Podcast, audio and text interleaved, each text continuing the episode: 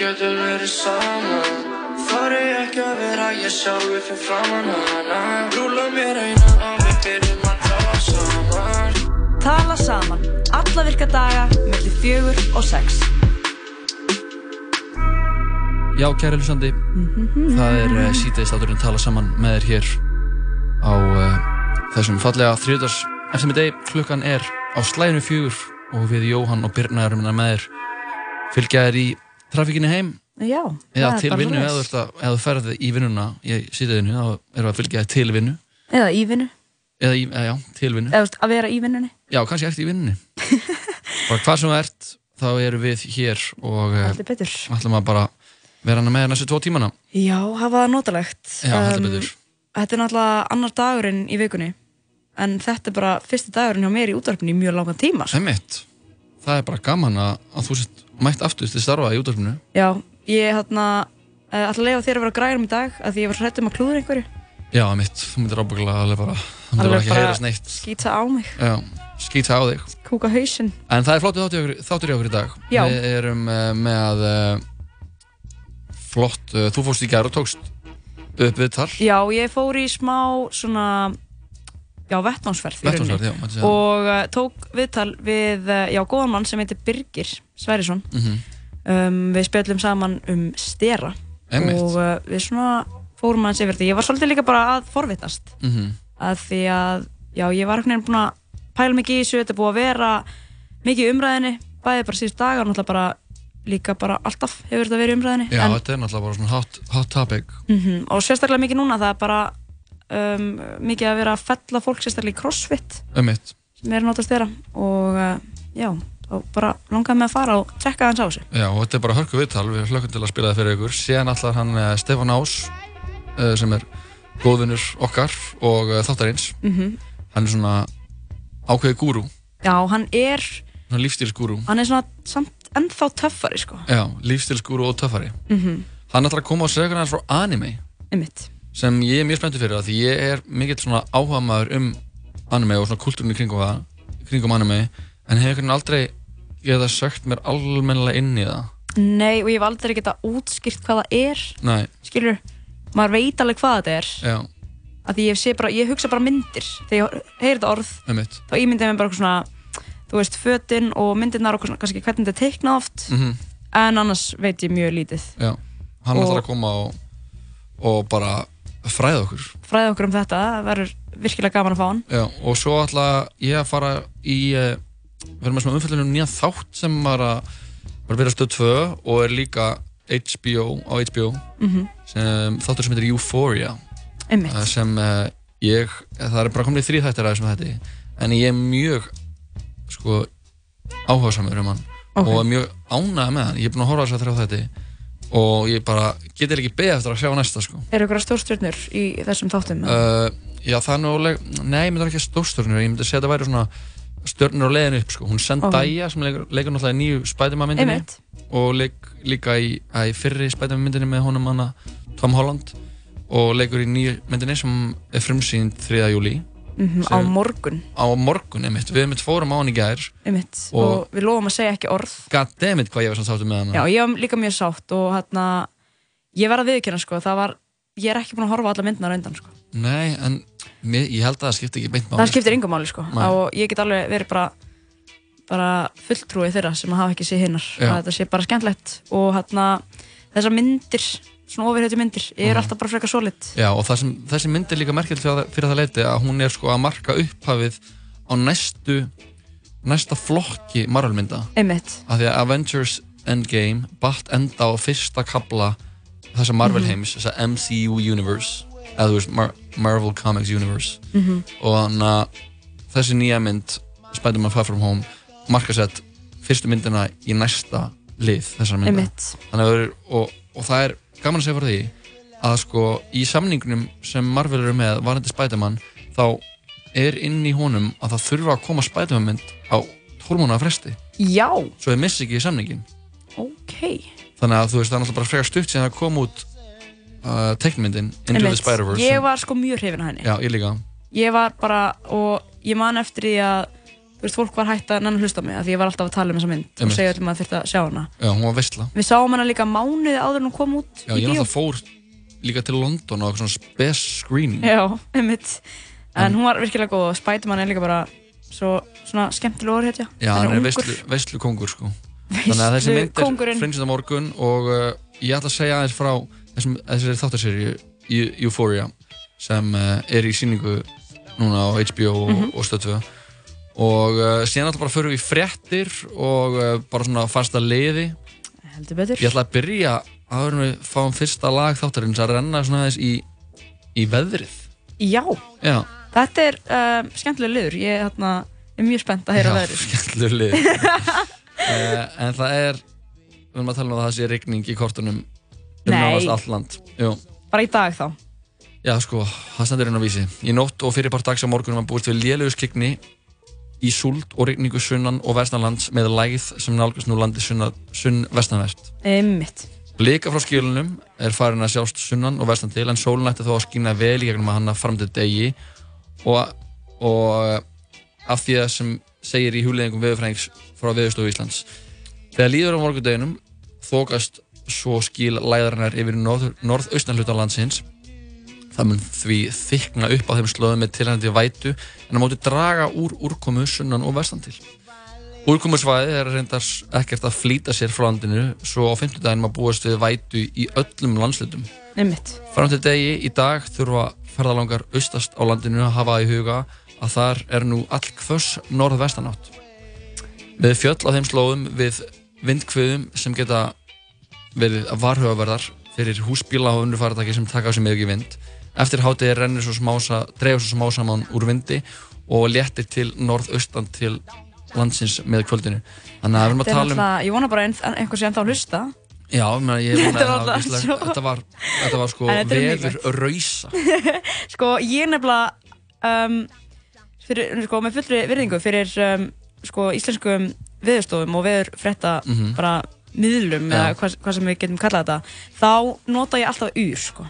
Eða yfsjölonr.no sem að margir þekkja og uh, þannig að þú veist, þar er þetta bara skýrt maður sé bara eitthvað app. og maður gott app, gott aðgengi og þetta er bara svipað það er einhver væta í kortunum og þú veist, Það mætti segja sko að það væri veður challenge í gangi núna. En sko, ef það er eitt sem að mér langar samt að skoða, þá er það bara hvernig veðrið, veðrið verður núna á eigirstöðum. Af því að það er bara búið að vera 20. hiti þar í síðustu sko. En það á bara að vera rigning þar líka, þannig að, Já, já, nú já er bara- face, bara, bara face. Það er líka bara gott, það er búið að vera svo gott veður, mikið sól, þannig að plöntuna þurfa smá, uh, smá, Guð. smá vætu til þess að Já, geta vaksið og dafnað. Já, En við ætlum að negla eitt lag og svo komum við aftur og uh, förum aðeins yfir fréttinar áður en við, já, kannski til um aðeins meira um veðrið, jafnvel, þá líka. ég mun aldrei að vita, það er náttúrulega, veðrið er alltaf í gangi, það er veður challenge. En uh, fyrsta lag þáttarinn sem langar að spila er með uh, Atlantarafvarunum Young Nuri. Ok. Hann gaf út uh, sitt hvað, ég veit ekki númur hvað þetta mixtape er hjá honum. Eitthvað sjö eða hvað, sex?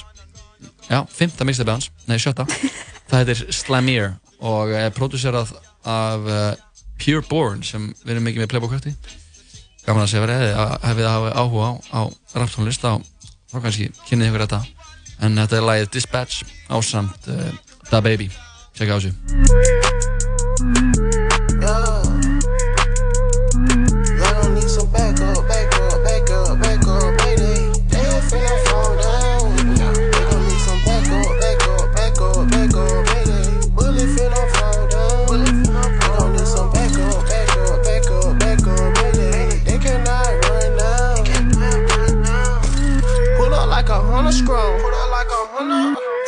Like 30 sticks. Put up with like 30. Put up with like 50 glocks. Put up with like 50. 25 Uzi, know we going stupid. Straight up in it, bitch. Man, I move stupid. Knock your head off, bitch. You fucking stupid. Straight up in it, bitch. You know how we do shit. How we do shit. Shoot that bitch up right now. You know how we do shit. How we do that. 38 special lead, 12 clueless. Knock a nigga face off. That what we doing. Drop that shit. No, we pop that shit. Pop that shit. Yeah, I be sick. No, we pop that shit. Pop that shit. Pull up in your bitch and that big white band. Big white band. Roll the window down. No, she hopping in. She hopping in. Two guns on my side, call them Glock the twins. Glock the twins. Nigga try to pop, no we pop that shit. Pop that shit. Stop that pussy shit. Need to stop that shit. Stop that shit. Got your bitch in the spot, pussy poppin' shit. Poppin' shit. Yeah, yeah. she keep tryna suck me up, bitch. Stop that shit. Yeah. Pass to the clip, after I'm done with that bitch. You know where I'm at. I'm in zone six. Boy, these nigga raw, they would take your shit. They take your shit. You ain't built for it, don't come my pot, man. Don't be talking about it you ain't built for that shit. You ain't built for that shit. Know we pull up on you, know we spin that shit. Spin that shit. You ain't got no partner, you ain't got no backup. You ain't got no backup. You ain't got no guns and you tryna echo. Back up, back up, back up, back up, mayday. They finna fall down. Gon' need some backup, backup, backup, backup, mayday. Bullet finna fall down. They gon' need some backup, backup, backup, backup, mayday. They cannot run now. Uh, uh, back up. A nigga gon' need some help with me. You know how I act, you know. Nigga know what's up with baby. He pull up, make it rain, nigga. Nigga know ain't no bluff with baby. I pull out, I'ma And I ain't tryna mingle with none of these niggas. I don't wanna hang with you. Uh-huh. You can give me your brain, that's an even exchange. I'ma swap out my chain with you. You fucking with me, that nigga a roll. I'm ready to step on a nigga. Yeah, I'm tryna stand over a nigga. But you know how that go, I be chillin'. I just did me a show and it hit me a hoe. I was holding the pole, I am. About to go to the yo, but before gotta stop and go drop up a bow to my nigga. Uh-huh. I'ma throw it before, show my diamonds and gold. Every time that I post more pics, nigga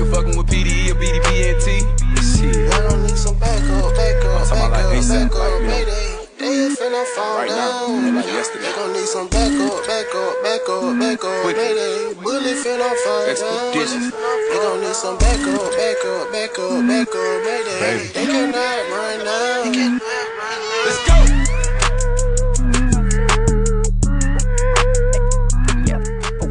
Já, þetta var að leiða Dispatch með þeim eh, Young Nudie, Pureborn og uh, Da Baby. Þú ert að hlusta á sítið þáttinn tala saman.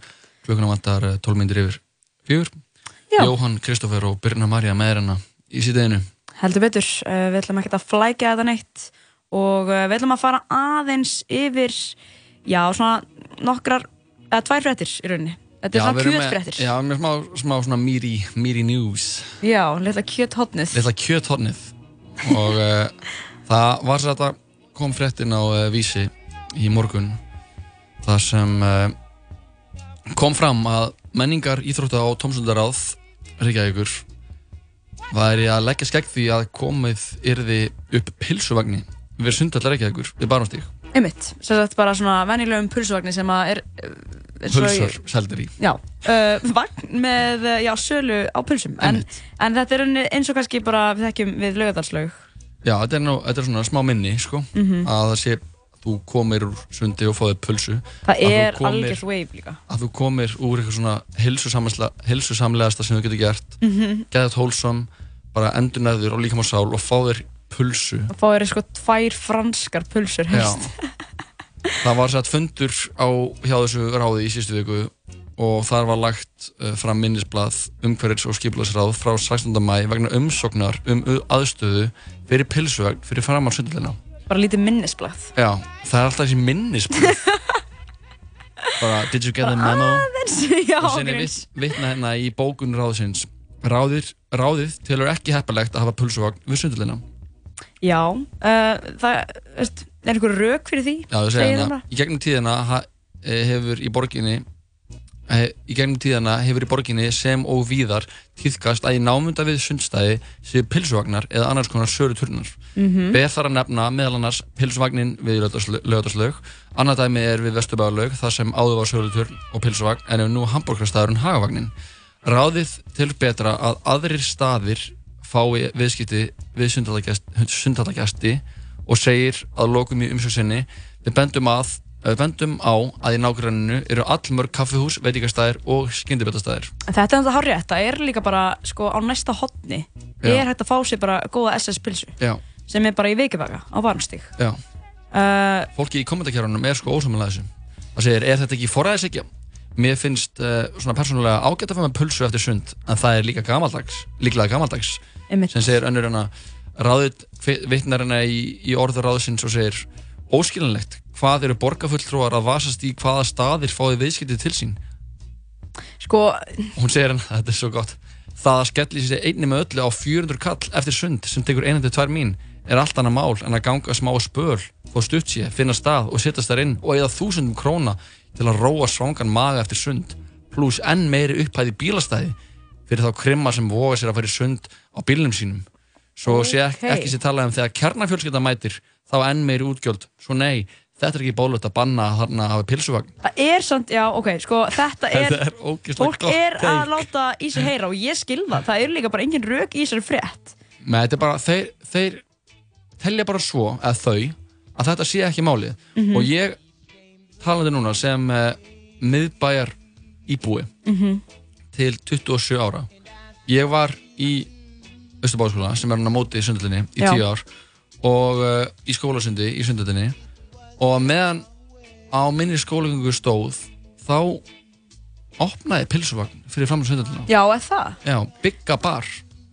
Býtu nú hægan. Já, og þannig var gæi, Biggi, sem Einmitt. opnaði pulsubar og hann bauð upp á tvíhleipuna þar, maður, þar sem maður fekk sko pulsu uh, með, að pulsubrauð með tveim pulsum í Einmitt. og einni bauð hann upp á Elvisin sem er pulsubrauð með þreymur pulsum í Ok. Og uh, ég átti bekkjabróður sem var mikið hana og fekk sér mikið pulsu og, og uh, þetta gekk bara ekkert upp Nei. kannski er það náttúrulega það væri kannski aðeins öðru í sig núna eftir breytingarnar hjá sundlinni Mhm. en uh, En þú ert ósamála, eða þú ert raunin sammála þeim? Nei, sko, mér finnst mjög fyndið bara eitthvað svona að þetta sé eitthvað svona aðför að, að kjarnafjölskyldunni. Mér finnst það mjög fyndið teg. Sko, mér finnst það mjög fyndið teik og sérstaklega því að eins og ég sagði á hann hérna að Vikivaki sé hérna við hliðina á sem er bara pulsu sjoppa sem er bókstala 100 metrum frá og það er alveg fólk að benda á það líka hérna í kommentarkerunum en þú veist það er samt alveg einhver stemning í því að fá sér uh, inn, inn pulsu sko. Já, já, það er það alveg. En ég er samt ekki á því að mér, ég, ég vil ekki fá pulsvagnarnir framann, sko. Mér er skæðið næst að koma hann út og bara, ah, og það er bara ekkert, veist, það er bara bílar að kera hana og, og krakkar að labba og fólk Líka hvar mynd hann vera sko. Ég nefnilega uh, er að reyna að ímynda mér það það þurfti að bara loka götunni Já, það sem hann Og- var síðast var, sko, fyrir framann það sem nýbyggingin er núna. Já, fyrir framann Já. eitthvað, eitthvað já, ok Sko, já, um, ég er svona að reyna að finna eitthvað svona góðan stað fyrir þetta svo náttúrulega líka bara að vita bara þarna Þú fer bara á vikivaka Hliðina. eða vitabar eða þú ert til eitthvað aðeins meira, þú veist, lem, þú getur farið bara niður á Roadhouse. Já, og það. Og að nóa þarna, sko. og það er ekkert eitthvað issue að lappa nýra á laugavi og na, þú getur farið á Shawarma King. Já, það nýja. Ný, ný bómna en þetta er ekki eina kjötfrettin Nei, í frettunum í dag. Heldur er næsta tengt uh, tengt þessari frett að því leiti að, að uh, er um inni, innihald pulsna er hann til uh, umræðu. Já, og hún fjallar um hann Simmi Vil en hann er ekki innihald um, nei, hann er ekki innihald pulsna Simmi Vil, uh, hann er umræðu kongur Já, hann er alltaf á milli tannana á fólki og uh, fyrrum eigandi hambúrgar og hambúrgarunar og, og dagsfjörgjara maður á Pop TV stöðsföð hann er orðin talsmaður svína og kjúklingamænda einmitt.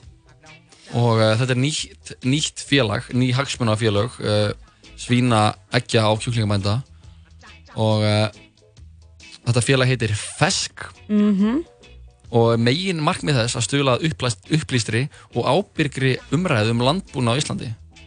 Já, og, uh, og, og hann ætlaði að vera bara eitthvað að, að, fylgjast með umræðinu og svara fyrir hönd bænda. Og hann segir að það sé sko hart sótt að bændum.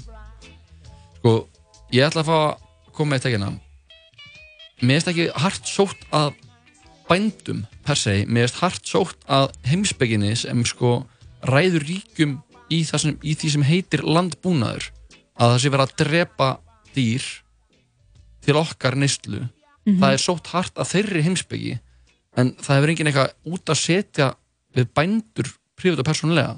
Þeir eru bara Nei. flottir og eru að vinna sitt starf. En þú ert að segja rauninni bara uh, meira kannski aðtöfnina sem er í gangi Já, eða bara heimsbyggina að, að við borðum og ræktum, drepum og borðum dýr bara okkur til bóta og, ein, og að náttúrun er ekki sko. Mhm. og þannig að ég var að hlusta á podcast þar sem var að tala um sko, að þetta var ekkert eitthvað professional podcast en þetta var gæi hjá Joe Rogan sem er eh, svona super klárgöður og hann var að tala um sko að það er líklegast eftir nokkra áratvíu litið tilbaka og hort á hvernig við fórum fram fór, komum fram við dýr bara eins og lit, við lítum okkur gömul stríð sko. Mhm. að það sé bara, við séum bara að þurrka út dýr til að við getum getu þau að það er ekkert eitthvað mannulegt veist, það er bara, það er fre- frekar nesti sko. Mhm. og, og þannig að og það er sótt að þeirri heimsbyggi frekar en eitthvað að bændum að gera þetta eitthvað svona persónulegt er náttúrulega ekki leiðin fyrir mér sko. Nei, það er uh, alveg horrið en þeir vilja oft gera þetta persónulegt Já, þeir vilja gera þetta persónulegt til þess að stjórna umræðinni kannski við sko stoppum að sérna sko, fyrir þá sem vita ekki hverjir þeir eru. Já. Þeir eru bara hinnir Já. Þessi sem, er að, þessi sem eru þann úti Þú veist, fyrir Fyrir Simavil og Fesk Myndi Væri ég ábygglega þeir. Mhm. Þá er ég hana, þú veist, þessi Sem talar gegn, sem sækir hart að bændum. Já, einmitt. En fyrir okkur, eða fyrir þér þá er þeir sá sem að sækja hægt að bændum en ekki að heimsbygginni uh, Nei, ég myndi nú alveg bara Þú veist, já Ég Er þú þeir? Nei, ég held að ég sé ekki þeir Þeir eru bara eitthvað svona Það er smá svona andlitslaus kannski Já, Það, Þetta það, er bara... það, bara- svona, það, það eru hinir já, sem, er sem, sem sko gaggrina þína personu og segja að það sem þú hefur að segja sé bull og vittlisa. einmitt Það eru þeir. Það er hafa allir einhverja þeir Já. móti sko En þetta voru bara svona tvær kjötfrettir sem við, við vorum með á bóstólunum. Það er ein frekar skoplega en samt alvarleg frett í viðbót sem við erum með Mhm. sem eh, er sko frá uh, Suðunísunum. Og uh, hún fjallar um það að lauruglan á Suðunísunum stöðvaði mann uh, sem þau sögðu að hann væri búinn að fá sér í allar tærnar. Já, hann ætla að tala um að fá sér í tána Mhm. fá sér í aðra. Já, þegar maður er búinn að fá sér í glas en hann var búinn að fá sér í allar. Þeir hafa aldrei stöðvað jafn ölvaðan mann. Hann var bara king fullur ok. Og viðmiðið við þú veist þú blæst Mhm. það er leifilegt að há- hámark leifilegs max í blóðinu er 0,2 promil Já, og uh, en hún er ekki held í gengin í gegn þessi breyting en það er verið að vinna henni. Viðmið er 0,5 promil Mhm. þessi gæi var í 4,31 sko. já, og það er verið að, að búast við því að hann hefði fengið sér eitthvað að byrjunni 15-20 drikki já. Já. Býttu nú við. Þannig að hann var king fullur. En sko, við erum að tala um að þetta var í hádeginu uh, í gær já, Í hádeginu í gær? Ég meina þar maður eitthvað tækifæri alltaf aðeins að skvætt úr kljóðunum Aðalega bara að vakna örgulega sko. Ég er bara að tala um það. En já, þetta er um, frekar mikið Sko 15-20 drikkir Jóhann. Það er ekkert lítið. Það er Það er alls ekki lítið og það er eiginlega bara rosalega mikið. Já, Rosalega mikið. Það er slatti af drikkjum En uh, já, þetta er hérna Þetta er svona sko, skopleg en alvarleg. Hefur ekkert tíma lendið að vera að keira og það er bara einhver fyrir fram að þið sem er bara þú veist, þú heldur að um, bílstjórun sé fullur. Þú veist, þetta keirir fyrir aftan og Mm, maður er bara eitthvað ég hef lendið það, ég verið eitthvað þessi bíl er að kera smá skringilega Já, og maður er eitthvað þórið ekki að bara fara fram hjá hann af því að maður er bara hættur um hann klassist í mann, skilur Ég veit ég alveg hvað maður að gera, á maður að ringja á lögguna? Þú veist, þú þarfst að stoppa. Eða maður bara svona Safety fara car. og skörta fyrir framann hann og stöða bílinn og fara út og segja bara félagi, látt mig á líkluna Þú uh, Eh. ferði í leigubíl heim. Já, og um, borga leigubílinn fyrir hann líka. Þú skilja bara bílinn eftir. Þú sækir hann svo daginn eftir og þið farið saman og sækir bílinn. Já, og uh, þú fær með hann í svona, í svona counseling, í eitthvað ráðgjöf.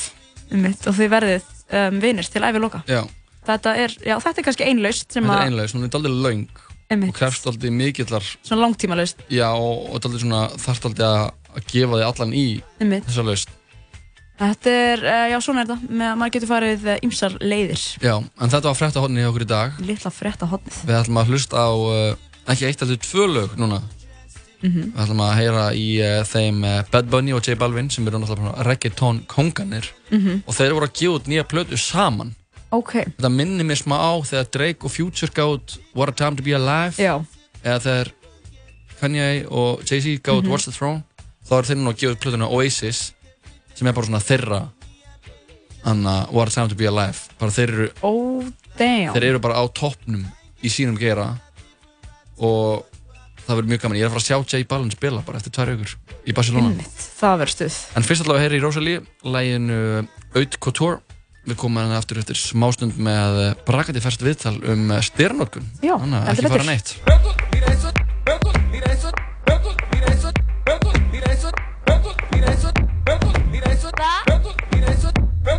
Te conjuro te dejo prendado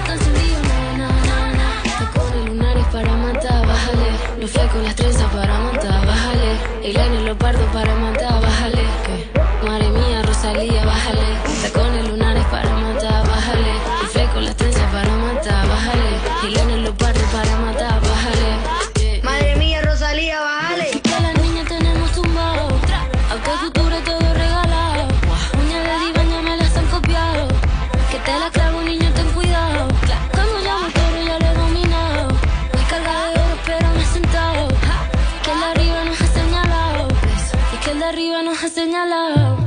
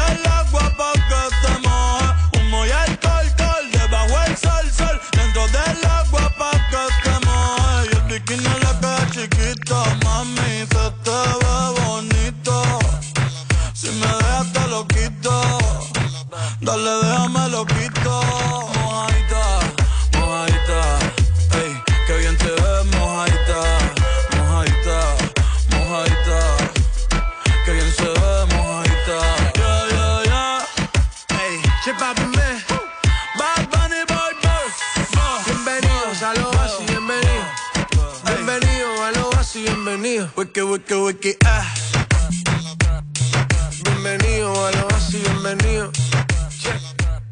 Oasis Já, þetta er að sjálfsögðu félagarnir J Balvin og Bad Bunny lagið Moa Ita af plötunni Oasis sem kom út frá þeim félögum bara fyrir viku síðan Já, skemmtilega Já, viku, föstudaginn Já, geggja lag og gaman þegar svona tveir tveir svona eins og maður segja á ennsku svona powerhouses leiða Mhm. saman krafti sína Já, en uh, það er komið að næsta lið hjá okkur Uh, heldur betur, uh, já ég hérna ætla að fá að svona aðeins að útskýra fyrst Sérst ég fór í gær Mhm. uh, og hitti mann sem heitir Birgir Sverrisson Mhm. og uh, hann er sérst framkvæmdastjóri Livja Eftirlits Íslands Einmitt og við Medicine. vorum að tala um stera Já. ég var að spyrja hann bara út í stera hvað væri og okkur svona um, og hann er sérst svona ánum byrjum þá bara þannig að maður viti aðeins um hann og viti kannski aðeins hver er á bakvið þessi svör það var hann 35 ára gamall og hann vissi í rauninni ekkert mikið um lifjamál fyrir hann að byrja að vinna vinna við þetta Mhm. og vinna þarna og um, um, Lifja eftirlit Íslands það er undir ríkinu Mhm. eða svona, svona semi einhvern veginn Mhm. eins og það er bara í flestum öðrum löndum líka Mhm. en uh, hann er sko búinn að læra í Bandaríkjunum og í Þýskalandi og hann er með master í um, sport management þannig hann hefur svona mikið áhuga á íþróttum Ok. og, um, og mikið áhuga á svona hreinum íþróttum líka Þú veist, hann, hún þykir mjög vænt um að íþróttum séu hreinar og það er Hreinar þessin engi styrar, ekkert já. ekkert rugg við settum staðins niður og spjöldum saman Mhm. og uh, við ætlum að spila núna fyrsta hlutan úr viðtalinu og sko ég bara vona að þetta virki, þessi upptaka þetta er mín fyrsta svona upptaka sem ég tek út úr húsi sko. Ég veist ekki um það. Við slum uh, hlýða á þetta viðtal. Um, byrjum bara á byrjuninni. Þarna við ætlum að tala um stera. Hvað eru sterar? Sterar, það er sko, ef við ef við erum að tala um þess að stera sem þú ert vantilega að vísa í, þá erum við að tala um hérna anabóliska stera, eins og það er oftast vísa til, sem eru þá í rauninni androgenískir anabóliskir sterar. Það eru sem sagt um, testosterón og testosterón skild lif eða skild efni. Þannig að ef að við erum að tala um anabóliska eða androgeniska anabóliska stera þá erum við að tala um testosterón sem er náttúrulegt hormón og ef að maður er að taka það inn til dæmis ólulega þá erum við vantarlega að tala um einhver önnur heiti heldur en testosterón en þau eiga líka eftir þeim áhrifum sem að testosterónið hefur og það eru þessi androgenísku karla áhrif og svo anabólisku á- áhrifin sem eru vöðva myndunin. Alright, mikið af stórum orðum hann að geggjað eða ekkert það geggjað en svona, svona allir lagi. Svona er þetta sko, um, myndir þú segja að steranótkun væri algeng á Íslandi? Um, já, ég myndi segja, ég myndi segja að hún sé uh, of algeng. Í líkamsrækt og íþrótum og það eru kannski tvær uh, hvað ég að segja, það eru mismunandi kvatar á bakvið notkunninni í íþrótum og svo líkamsrækt. Ef við horfum bara samfélagi heilsinni þá er hún allt of algeng og byrjunar aldurinn færist neðar. Ef við horfum bara á svona línunit þá eru alltaf, þá er alltaf hérna, kurvan að færast neðar. Það er að segja, það eru mjög margir að byrja 21 ás og svo dettur það niður og svo, svo er það aftur á mínum aldri. Þegar, þú veist, þegar það tekur lengri tíma að recovera og, og bara menn er eldast og framleyslan, það hægist á framleyslunni á testosteróninu. En svo erum við líka með mjög mikla nótkun sem er í rauninni á löglegum forsendum út af því að það er fullt af fólki sem að færa upp og skrifa testosterón hjá lækni og það er miklu meira hér heldur en á Norrlöndunum til dæmis.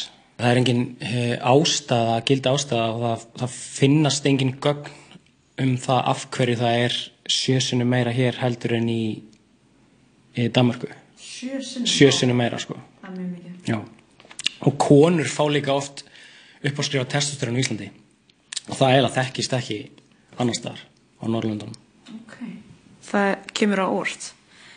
Það gæti verið sko hérna um, það er er ákvæmni staðlar sem að læknar þurfa að fara eftir til að gefa út, eða skrifa út testosterón það er kallast hypogonadismi sem er þá uh, bara nafn yfir hérna sjúkdóm eða hann getur verið hann getur verið sko hérna lífrætt þar að segja meðfættur eða þannig eða þú veist, bara króniskur eða hann getur komið til vegna hérna hvað ég að segja hegðun eða bara einhvers konar lífsmynsturs eða bara hvað er í gangi hjá hverju einstaklingi fyrir sig. Veist, er áfengisneisla í gangi, er verið að nota fíknefni er þreita í gangi, er stress er of mikið álag á líkamann. Þú veist, það getur spila allt inn í framleysluna á þessu. Og hérna um, þannig að það ætti í rauninni ekki að gefa testosterón við þessum kvilla nema hann sé lífræn Já. að því að hitt ætti að jafna sig það er það sem er svolítið ágefni Hvað er svona óholt og hættulegt kannski við steranótkun? ef við ættum að taka þetta í eina setningu þá er hérna ástæðan fyrir því að aukaverkaninnar koma og ástæðan fyrir að þetta er hættulegt er svo að uh, líkaminn framleiðir hormón oftast eftir þörfum og þetta sagt, auk, sagt, auka inntaka hormónum hún riðlar þessu systemi.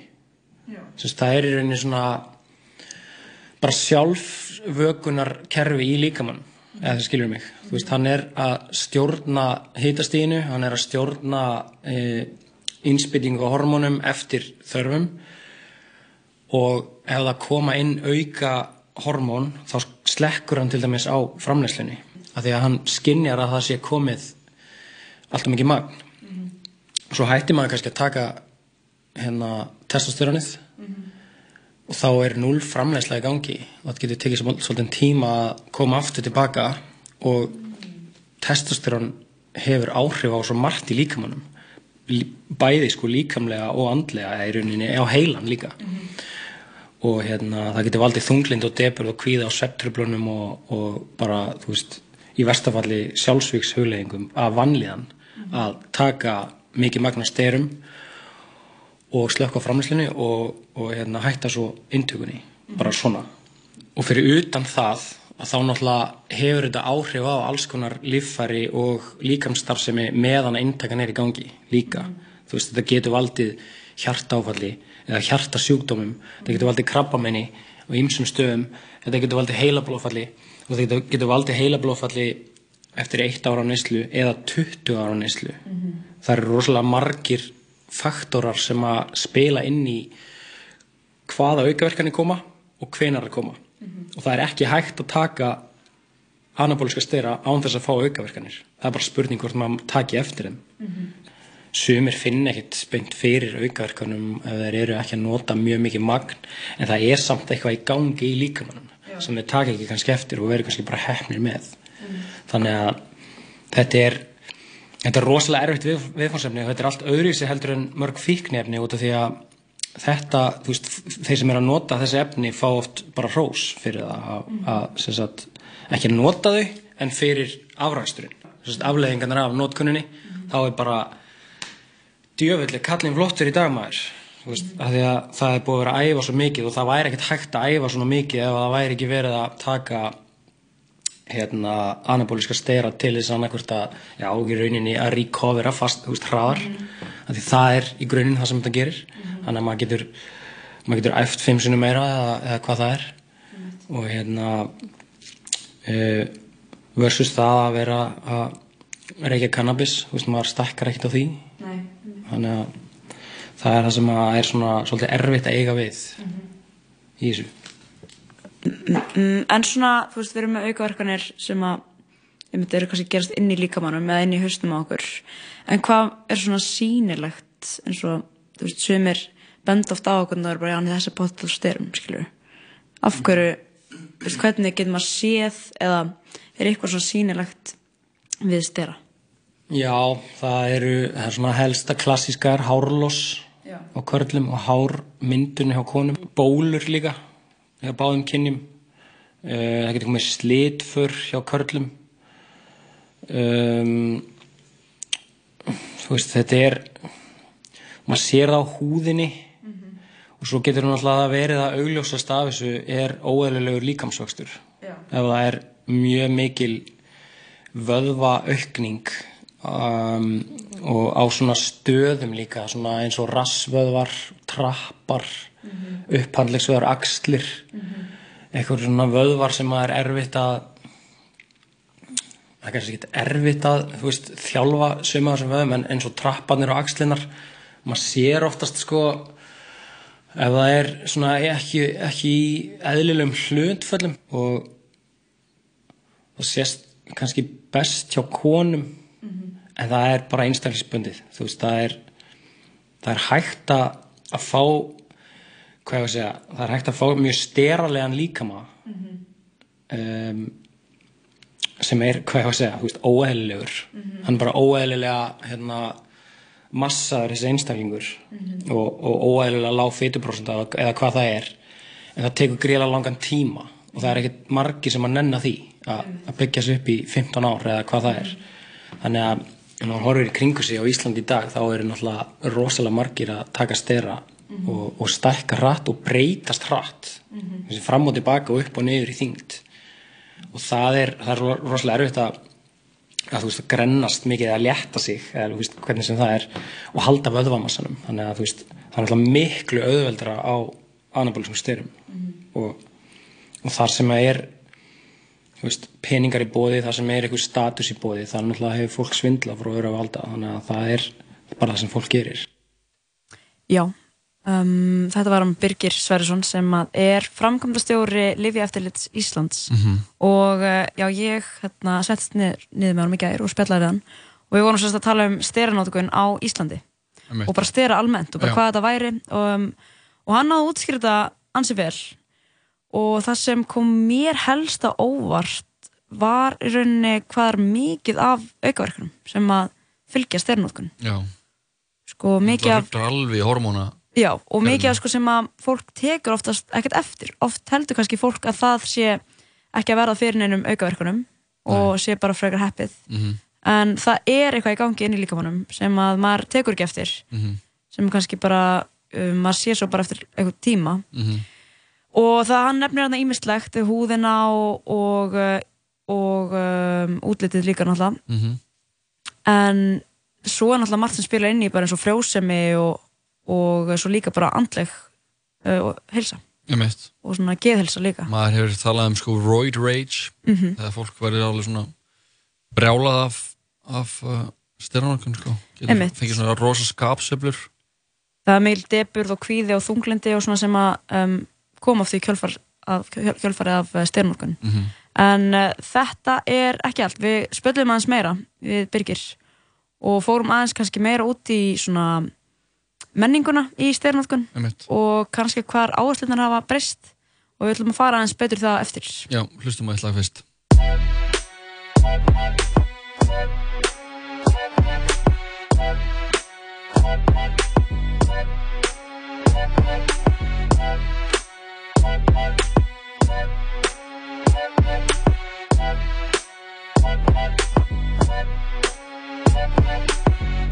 Now still is still in my jeans. When I fell asleep, I was still in my jeans. Then I had a one girl that keep me clean. She wanna eat man like Idi mean? What do you mean? I come for the cream. I made some mistakes that I gotta redeem. You put me in position I don't wanna be. We all made mistakes. I'm a human being. North Korean, Kim Young Un when I spray the machine. You're on the other side if you ain't on my team. You get blacklisted if you hate on my team. Fam, I say what I mean, I keep my demons close. Late night, I speak to the ghosts. Get high, fell asleep in my clothes. Animal instinct, sex, money, murder, I fear nobody. Keep something on me, cause I'm better safe than sorry. I'm a top boy like Sully with a six figure hobby. You're still on the road, better be getting that belly. Kicking off doors, better give it some welly. I came in the game, ran it like an athlete. Got a big money scheme, all my brothers had to eat. Thought I was a scrub sitting in the back seat. I was counting my money, making sure it's complete. They can't compete, there ain't no competition. I take what I want, you get what you were given. They're calling me a rapper, man. I think I'm a magician. I didn't wanna kill them, but these niggas never listen. Hustling still in my jeans. When I fell asleep, I was still in my jeans. Then I had a one, yeah, they keep me clean. She wanna eat, like Idi Amin. What do you mean? I come for the cream. I made some mistakes that I gotta redeem. You put me in position I don't wanna be. We all made mistakes, I'm a human being. North Korean. Kim Young Un when I spray the machine. You're on the other side if you ain't on my team. As soon as I wake up, I be chasing my dreams. All we do is win and we ain't changing the teams. I still creep through the hood. Pull up on my brother just to see if he's good. See them with the gang, they be giving me looks. See him on these ones, I can see that he's shook. Mad cause I made it. New whip looking like a spaceship. You're looking like you're stuck inside the matrix. I could teach you how to hustle, how to save it. When the money talks, I can translate it. I'm the go getter. G'd up with my feet up, it's no pressure. They make threats, but they never put their hands on me, they know better. You would get pepper, hot like Coachella. You're not clever, you're coming unstuck. I was up north, I was getting enough love. Back down south, trying to make a young buck. And I'll be still going when the sun comes up. Hustling still in my jeans. When I fell asleep, I was still in my jeans. Then I had a one, they keep me clean. She wanna eat, man, like Idi mean? What do you mean? I come for the cream. I made some mistakes that I gotta. You put me in position I don't wanna be. We all made mistakes, I'm a human being. North Korean. Kim Young Un when I spray the machine. You're on the other side if you ain't on my team.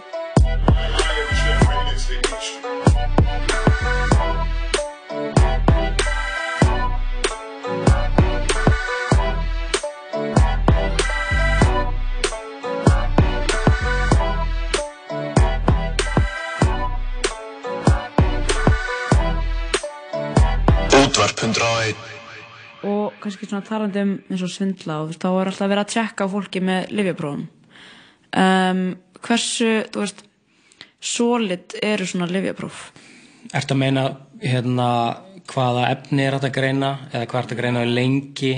Kannski bara svona niðurstöðunar eða þú veist, er auðvelt kannski ég er meir kannski spiskætti bara er auðvelt að kannski vera á einhverju en það sést ekki á livjaprófi það er erfiðar og erfiðara þetta er góð spurning sko út af því að fyrir svona 15 árum síðan þá var þá var kannski einhver gluggi sem þú hafðir til að taka eða til að hætta að taka efni inn og svo var keppni á einhverjum degi og það hefði ekki greinst.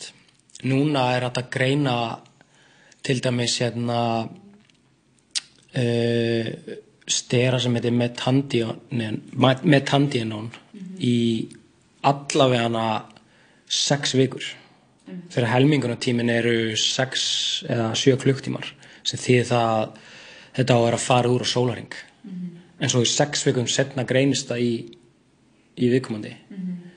Og greiningatæknin er orðin mjög fullkomin og í framtíðinu verður hægt að skoða aðra líffræðilega breytur sem að sterarnir hafa áhrif á og benda til misnótkunar og hérna þannig að þú veist hún er ekki fullkomin þessi tæk eða livjapróf er ekki fullkomin. Langt frá því. Og í rauninni segir livjaprófi bara til um hvað er í gangi akkurat núna. Bara hvað er í líkamannum að þér þegar þú skila síninu ekki fyrir tímyndum og ekki tímyndur selna þannig að livjapróf sannar ekki neitt sko. það sannar í rauninni bara hvað er í síninu á þessum tíma. Það sannar ekki hvað þú gerðir í, fyrir viku síðan eða fyrir ári síðan og svo framvegs þannig að livjapróf utan keppni eru þess vegna betri livjapróf heldur en þau sem eru í keppni af því að fólk býst ekki við þeim. Lance Armstrong fell aldrei á livjaprófi hann fór í uh, ábygglega 300 livjapróf hann hefði þurft að fara í svona 3000 livjapróf til þess að kannski falla einu sinni eða tvisvar. Hann var að taka litla skamta og hann var að skipta um blóð í sér sem var erfitt að hvað ég segja, það var erfitt að sjá það. Þú veist, á, á hérna í Excel-skjali. En núna er það miklu öðuldra Þú veist, hvernig hefur svona menningin og kannski áherslunar breyst já, bara í kringum styranótkun svona síðustu síðustu ár? Ég held að það sé internetið sem að er uppbrót nei, er hérna Ródalsíls á, Ís, á Íslandi. Og viðar og góðs líka. Eh, það er hérna ef ég ætti að gisk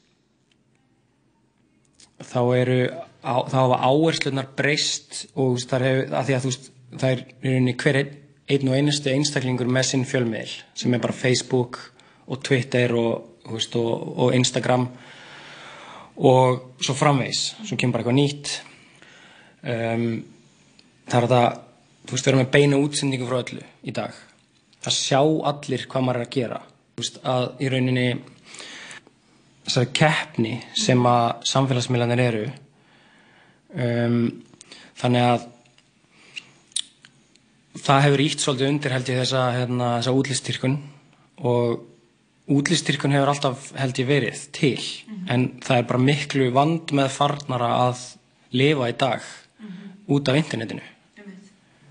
Það er allavega mitt mat og ég vorkenni krökkum í dag sem að sem, sagt, sem eru bara fimm ára eða eitthvað og eiga þurfa hérna, alast upp með þú veist, báða fóreldrana í símanum allan daginn. Og hugsanlega bara hérna, með eitthvað skonar líkamskinninu röskun. Og vera í þessu umhverfi sem snýst bara um að líta vel út og ekkert annað skipti máli einhvern veginn. Ég held að það sé það sem hefur breyst mest í, í hérna í þessari menningu í kringum þetta af því að ég held að það séu fáir sem eru að taka sko stera veist, og, og stunda líkamsætt af, af krafti samhliða því og taka aldrei myndir af sér. Þú veist ég allavega hef ekki ennþá fundið þann einstakling. Þú veist það er þá, þá ertu komin kannski í elít íþróttir frekar og fólk er að reyna að fela notkunnina en þá eru líka skamtarnir minni. Þannig að það vinnur svolítið á móti. En ég sé endalvist af auðlýsingum og, og hérna og bara viðtölum við einhverja gæja sem eiga að vera vegan bodybuilders og, og veist, ég, ég er þessi og hinn og ég hef gert þetta svona og það er bara ekki fræðileg möguleiki að þeir séu clean. Og það er bara að vera að mata fólk á þessu að þetta sé eðlilegt sem þetta er ekki og ég held að sumir sem að séu að promóta þennan þessi svik þessar, þessi vörusvik séu hérna actually þú veist búin að vera of lengi í, í notkunninni eða í þessum hugsunum þannig að þeir sjá ekki lengur hversu störlaða ímynd þeir hafa. Skilur mig?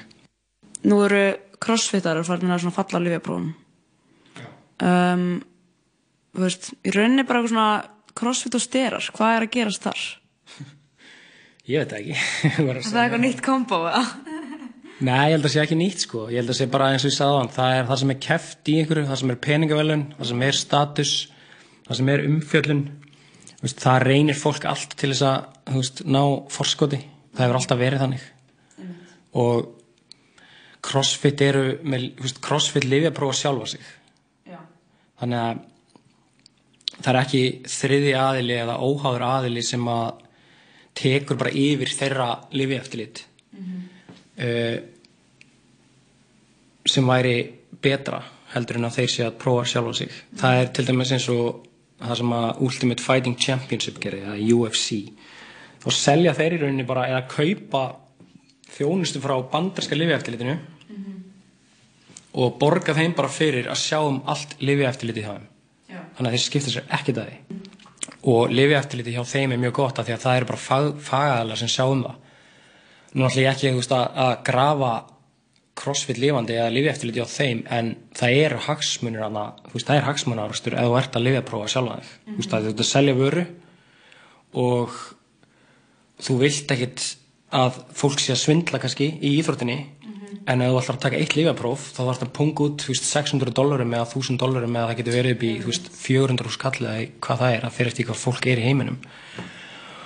Og þú vilt heldur ekki að allir bara falli allt í hennu skilur mig?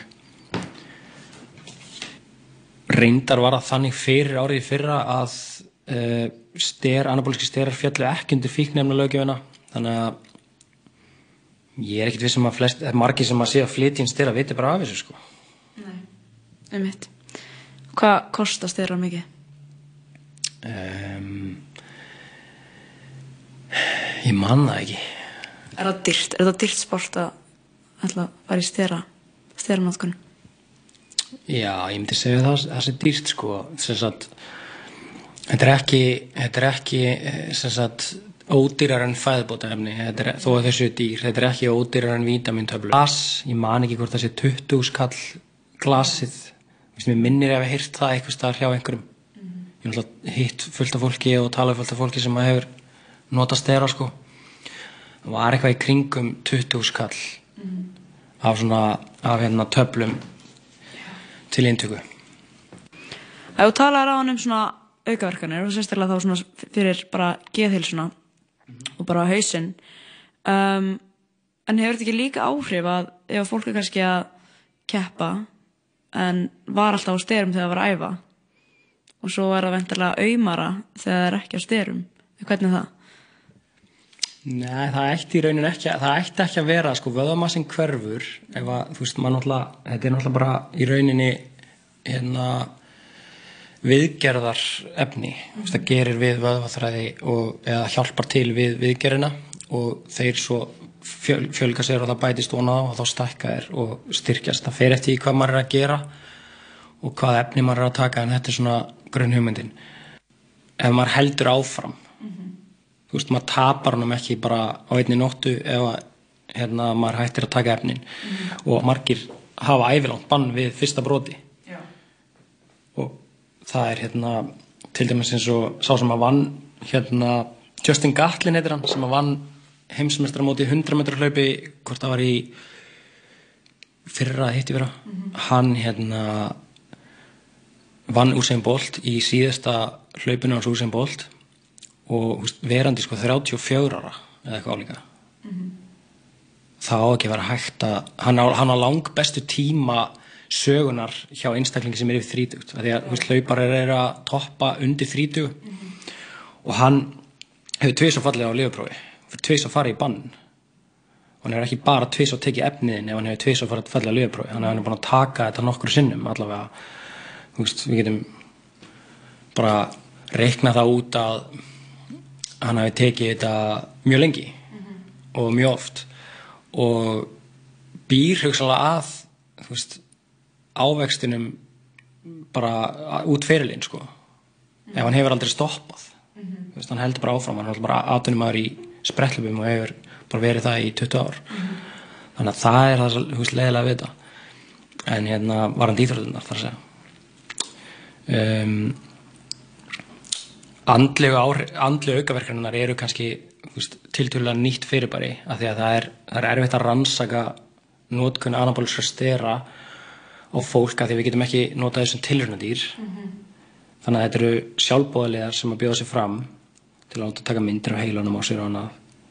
Og það, það er búið að skoða notendur sem eru hérna, búin að taka mikla stóra skamta lengi og skoða uh, sneiðmyndir af heilanum og þar eru heilaskemdir sem sagt staðfestar og minkun á gráa efninu í heilanum eða heila berginum í rauninni heila börkurinn er utan um heilan en hann stjórnar vitsmunum. Mm -hmm. hann er ekki til að verja heilan sko, það er mm hauskupon sem gerir það. Og þá er fólk, leng, fólk lengur að púsla og það er svona þú veist það er svona erfiðara með raukhugsun og annað bara, og það getur kannski veist, hálfur í sekundu eða hvað það er. En það er allavega munur og það kemur ekki tilbaka. Sumar líkamlegu aukaverkar að koma tilbaka, ganga tilbaka en ekki þetta. Þannig að þetta er eitthvað sem að er bara já, bara eitthvað sem að þú veist, ég hef miklar ágjur af þegar að sérstaklega strákar leiðast út í svona mikla og, langa neyslu. Og líður rosalega vel rosalega lengi og þú veist, get ekki hægt sko að nota en er að skemma heilanir svo samt sama tíma. Það er rosalegt. Sérðu ykkur svona lust fyrir þér? um, það sem að væri best ertu að tala um til að spórna við notkunni já, þess að ef við myndum taka internetið úr sambandi þá myndi strax mink, hérna, vera minkun. En svona ángríns þá hérna þá held ég að það sé rosalega mikilvægt að veist, þeir sem er að þjálfa þeir sem er að stjórna líkamsrættastöðum þeir sem eru svona fyrirmyndinar þar veist, bæði stjórnendur, starfsfólk og, og, og íþróttafólk sé að tala mikið um þetta við yngri, yngri yðkendur og þetta sé alveg svona upp á borðum og það sé skýr afstafa út á við frá líkansrættastöðum og íþróttafélagum líka og fólki í, í hérna fórustunni, bara í íþróttarhengunni og líkansrættinni að þetta sé bara ekki cool einhvern veginn og þannig að það verði bara ekki töff að vera á styrum þú veist, án þess að vera að viðkenna sig á styrum að það sé bara svona litið niður á það. Þegar það er ábyrjandi notkun í gangi. Og sumir eiga náttúrulega bara erfitt með að hætta líka. Þannig að þú veist, þetta er ekki spurningin um að um að byrja bara á því að lifja prófa alla og, og seima alla sem er að taka stera. Að þeir geta verið háðir í því og geta orðið alls konar vandamál eða hætta strax heldur bara veist, að fræða hérna, yngri kynslaðuna um skaðsemina og þetta sé bara veist, það þetta bara gengur ekki upp. Svo er ég líka bjassinn á það að, hérna, að við náum fræðslunni um þessi líðhelsumál inn í grunnskóluna það er, er alltaf líkur því að það fari í haust inn í hérna bara, einhverju nokkri punktar, nokkra, nokkra glærur í fyrsta til tíundu bekk og það er eini sjensin að snúi þessu við. Það er ekki tækt að að byrja á fyrsta ofan. Við þurfum að fara í skólana og yngri kynsluðuna og sína gott fordæmi og það vantar fyrirmyndir sem eru eða það, það vantar ekki fyrirmyndinar en það vantar kannski að fyrirmyndinar séu að tala um þetta og segja frá því að þetta sé ekki normal. Það er líka rétt og líka bara að fá að vita hversu hættulegt þetta getur verið. Já, það er náttúrulega aðal ástæðan fyrir því að þetta sé bannað, þú veist, í íþróttum Já. og, og hérna er hættulegt, það er bara að segja sér sjálft.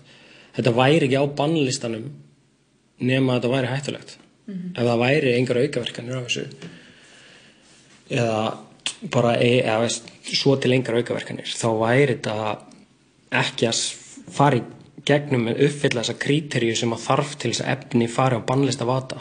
Og þetta eru sterkustu efnin. Það eru anabólisku styranir það eru rosalegar ófundum en það eru efnir af þessu en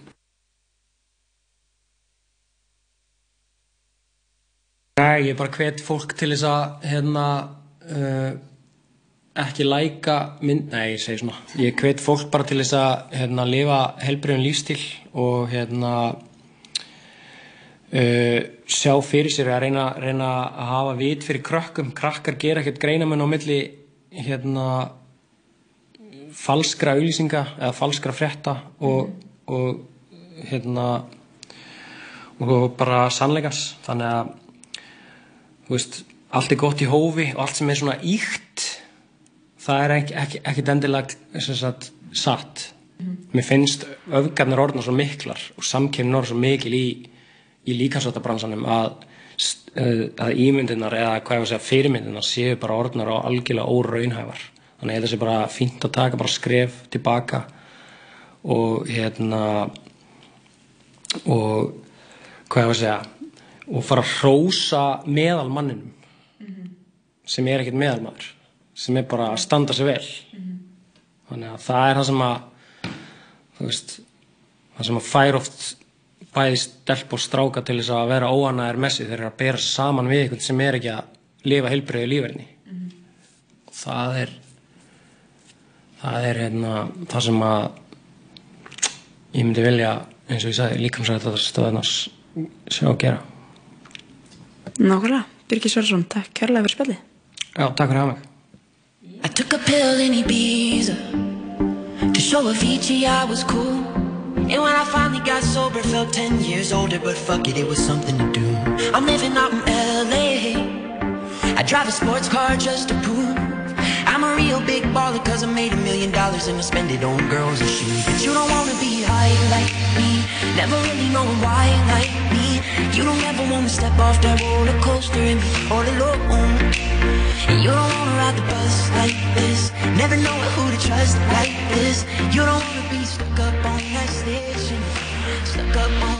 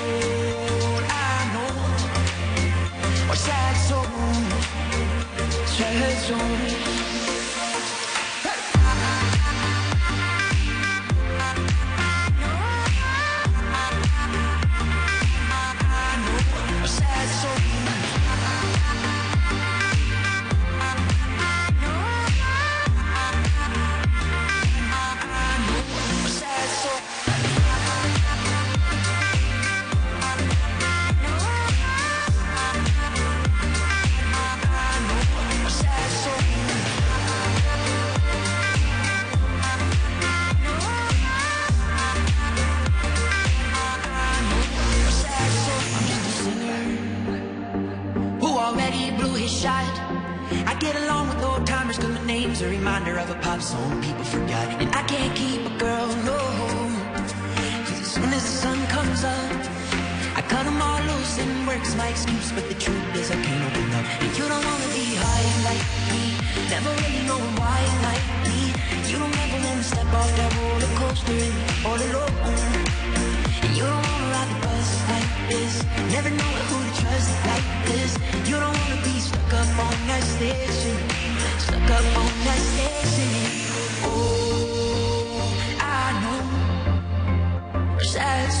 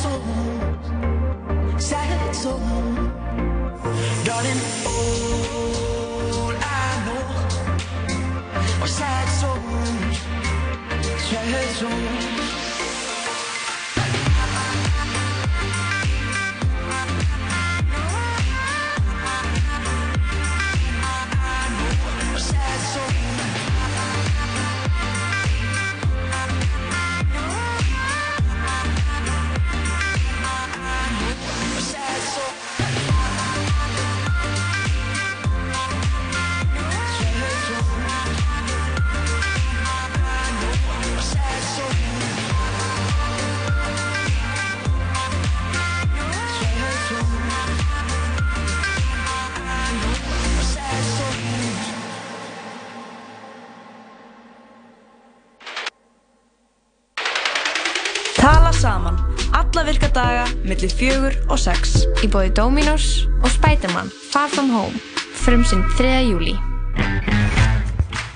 Ertu búin að vera með ringitón samstarfsfélagans á heilanum í allan dag? Fátt meira pyrrandi. En hei, þú veist hvaða dagur er í dag. Einmitt. Dominos. Hamburgerabúla Tómasar, þriðudagstilbóð, þriðudagstilbóð. Hamburgerabúla Tómasar. Likki Lí í Hörpu, 5. kvöldið 4. júli.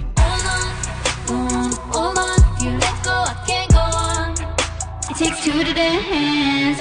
Origo og Bryggjan Brugghús. Landsbankin kynni Stark chose you Eftir atbyrði Avengers Endgame þarf Spider-Man að stígu Are you going to step up or not? Til að takast á við nýjar just really miss him Í heimi sem hefur breyst að eilífu I don't think Tony would have done what he did if he didn't know that you were going to be here after he was gone. Spider-Man Far From Home Frumsýn 3. júli Lýstu yfir sjálfstæði með 200 gramma Heavy Special. American Style. Þú finnur fréttir, þætti og tónlist á heimasíðun okkar 101.life Já, kæru vinnir, við erum komin aftur, klukkan er eh, já, nýmyndir við fimm á þessum fína þriðudegi, Jóhann og Birna Marja með ykkur og uh, við erum komin með góðan gest hérna í stúdíóið. Já, hann er uh, sérfræðingur í japansku fræðum, lífskunstner og, og almennir, al, almennur stemningsmaður. Stefán Já. Ás, verður hjartanlega velkomin. Já, takk fyrir. Uh, Stefán, við fengum þig að því að við, okkur hefur lengi verið svona hugleikið anna Japan sko og, og uh, sérstaklega svona anime að því að ég hef bara frá því ég var krakki hef ég alltaf tekið eftir anime. Bæðið alltaf fórt alltaf í Nexus og, og síðan bara svona í bíómyndum og þannig svona anime myndir og, en ég hef ekkert aldrei almennlega náða svona eins og maður segir wrap my head around it. Og ég veit bara að þú ert mikið inn í þessu þessum uh, málflokki þannig að mér fannst bara tilvæglega að fá þið þáttinn og svona fá, fá svona smá öskýringu á hvað þú veist, hvað anime í rauninni bara væri Já, þetta er góð spurning. Já. Uh, Svolítið stór kannski? Já, svolítið stór, en svona í stuttum orðum þá byrjar svona japansk uh, framleiðsla á teiknumyndum í, eins og hjá mörgum öðrum þjóðum sko, í kringum setni heimstyröldina sem svona stríðsáróðsdæmi Mhm. og þeir hafa líka alltaf mikið verið að vinna með svona myndir og svoleiðis uh, með sko bókunum sínum og svo hægt og rólega fyrir að búast til eitthvað sem heitir manga og svo fara að vinna með þetta og bla bla bla og síðan byrja að koma svona mm, hvað segir maður, ég held að Astro Boy ég held að það sé fyrsta anime svona formið Mhm. þú veist, stór augu Mhm. ofurhetja Já, fyrsta formið er sem þá bara fyrsta svona arkitýpan eða? Já, svona arkitýpan Já. og svo upp úr því fer þetta bara að rúlla sko, fara að koma fullt af mismunandi típum Mhm. af anime Mhm.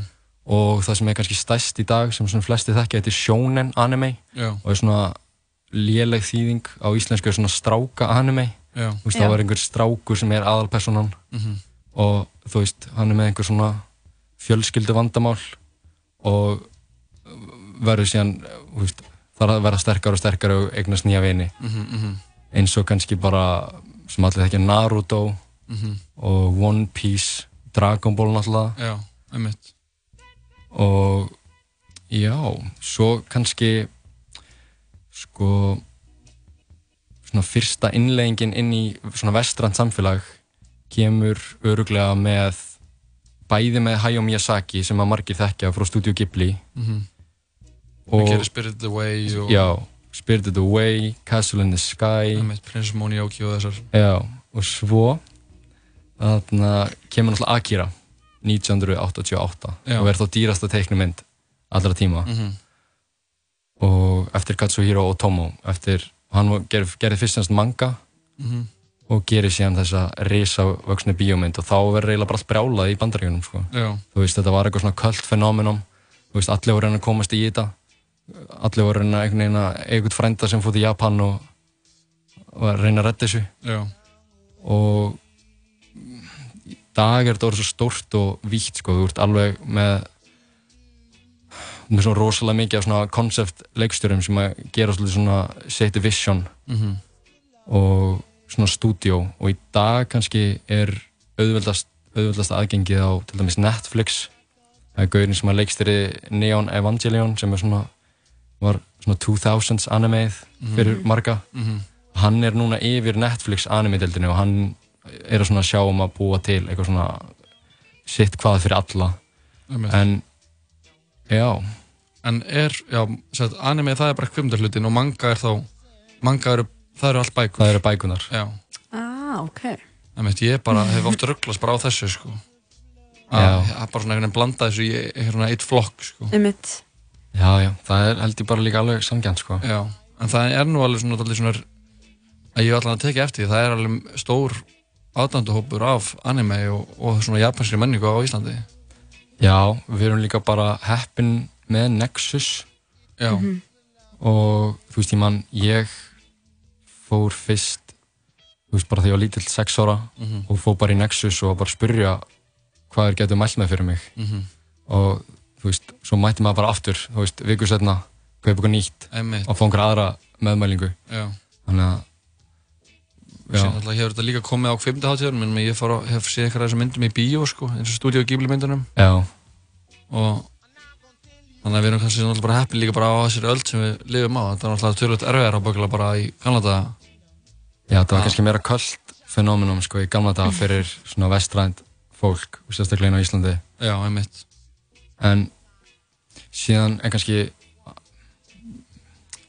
sko formið er náttúrulega líka bara alltaf að breytast Mhm. þú veist, þetta er svona sama vandamólar með þætt í dag veist, það er ekki að mikið kannski lagt í þetta í dag sko production value á teiknumyndunum það er svo mikið framleiðsla en síðan er alltaf það eru góð stúdíu eins og Madhouse sem að gerir One Punch Man Mhm. sem kannski margir þekkja í dag Mhm. það er svona eitthvað sem vinsalast í dag gerði fyrstu sjöri fyrir það En fylgir anime eitthvað svona er það eitthvað svona, eitthvað svona formfast það er, er, ekki, er ekki eitthvað svona ákveðin leið til að gera það það er ekki anna að við sko það við, það er svona, það er Nei. engin rétt leið til að gera anime Nei, ég, það er líka það sem uh, svona maður þarf svolítið að fatta og ég þurfti alltaf að fatta að það er til svo rosalega mismunandi típur af þessu, þetta er bara eins og grínmyndir, Mhm. hasamyndir Já, já, nákvæmlega. kvikmyndalist Mhm. og veist, það er kannski til sér típur af animemyndum sem eru myndu flokkast bara sem svona kvikmyndalist Emitt Emitt Ég ætla að maður hlusta þetta lag Mhm. og svo höldum við áfram að spjalla við Stefán Ás um uh, anime eftir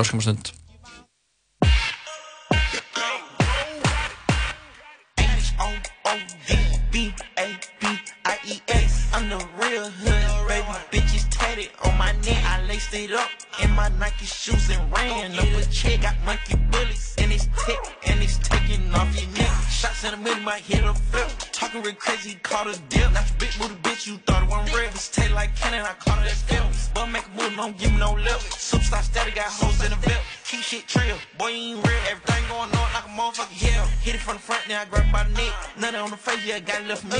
Bitch, let shit drip down to her chest. Bitch, I want M's, I ain't talking about next. Do one king, then on to next. The S who step shit, can't get straight too high. Have perk set, gon' back set. Got a bad move out of hood to Buckhead. It's so real, hit my phone, they book. What the hell, fat geek ducks, smoke cookie. Giving hell, these niggas ain't nothing but some Rick. They say no killer, nigga, just fish. LG, Benji, thug, it's push. Sticking to the T, ain't talking about push. Cut the cap, top out, they cut with a shooter. Smoke mad one, we don't roll no shooters. On, on, D, B, A, B, I, E, S. I'm the real hood, baby. Bitches tatted on my neck. I laced it up in my Nike shoes and ran up a check. Got monkey bullets and it's tick and it's taking off your neck. Shots in the middle might hit a flip. Talking real crazy, caught a dip. Not your big booty bitch, you thought it wasn't real. It's taste like cannon, I caught it as film. Boy, make a move, don't give me no lip. Superstar steady, got hoes in the belt. Keep shit trill, boy, you ain't real. Everything going on like a motherfucking hell. I went to baby, the big one it. One of the members, I'm part of the set. My little boy three, I just gave him a vet. The bag ain't too big, so they send me a check. Don't want your number, I only want six. She don't give me head, I'ma cut off a neck. You get an F in the end if you test it. They had to say it, I'm one of the best. She tried to cut me, I fought on the best. I told her, got it, he gotta be next. You don't get points if you fuck on my ex. You don't do well, you for real, I'm like next. I'm running laps around niggas, no sweat. Invest a half a ticket on my necklace. I'm with this shiny shit and get texture. I want no green, I don't in need my beans, bitch, I ain't green. Then you wanna pray head, yeah, that's me. Oh, bitch on the baby hood, better, yeah, the king. Rockstar got, I got cuts my jeans. They been so lit, she pop her beans. How many haters this shit gon' bring? Shit, how many more nigga act gon' change? Bitch, I pop it everywhere, dead champagne, pay, bitch. O O D B A B I E S. I'm the real hood, baby. Bitches tatted on my neck. I laced it up in my Nike shoes and ran up a check. Got monkey bullets and it's tick and it's taking off your neck. Shots in the middle might hit a flip. Talking real crazy, caught a dip. Not your big booty bitch, you thought it wasn't real. It's like cannon, I caught it as film. Boy, make a move, don't give me no lip. Superstar steady, got hoes in the belt. Keep shit trill, boy, you ain't real. Everything going on like a motherfucking hell.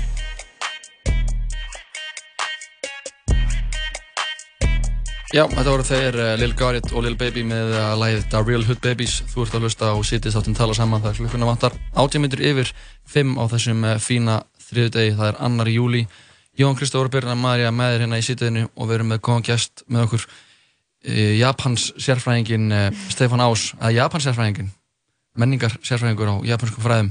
Og við erum að fara yfir anime og svona aðeins að fá smá innsýn inn í þann menningarheim og svona smá bara, við þurfum bara, maður þarf reglulega bara að endur sko hvað maður heldur um að viti sko, maður maður veit ekki þykist mikið sko, vita ímislegt sko. maður heldur um að Um, viti eitthvað en, Til dæmis uh, er ég búin að komast að því að manga og anime er ekki það sama. emitt, Ég held að vera tveir flokkar, skilur.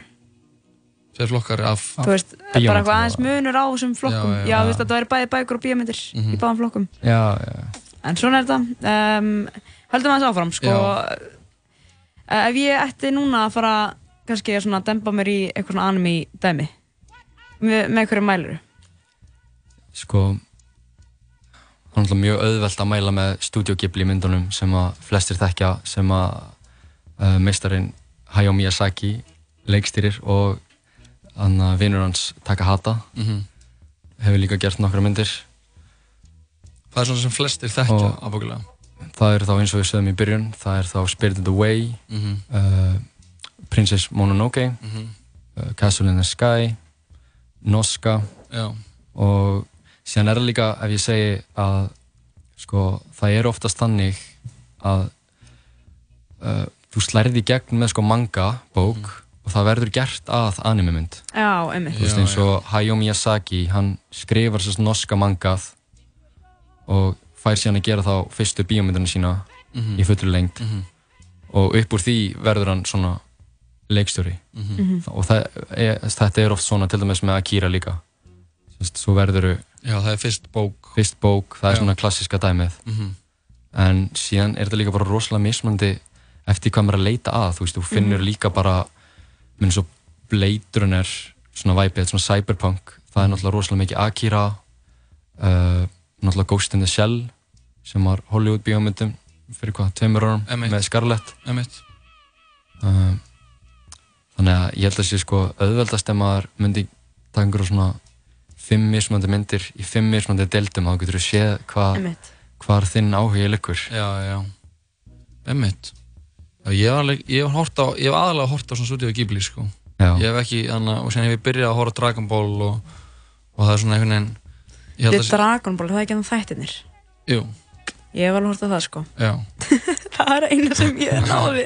og ég er bara Dragon Ball, jep, ok, ég er alveg með þetta. En þannig að, Það er alveg, það er alveg eitthvað fyrir alla bara, svona alveg bara Mhm. fyrir Já, alveg alla sko. 100% Já, og alla aldurshópa líka. Já, já En þannig að, þú veist, já, þetta náttúrulega er bæði stundum svona batnaefni eins og Dragon Ball, það er ekki svona meira fyrir yngri. Þetta er ekki að það, er ég að rugglast það? Ég held að sko, sé er bara til Dragon Ball fyrsta serían Mhm. sem er þá meira kannski fyrir yngri en svo vex hann. Já, ok, ég er vex sko að tala um bara eitthvað eldgamalt það sem ég er að tala um. Já, ég held að sé samt líka smá galdurinn við þetta oft er að einhvern veginn það sé bæði eitthvað fyrir unga sem aldna inn í þessum verkum.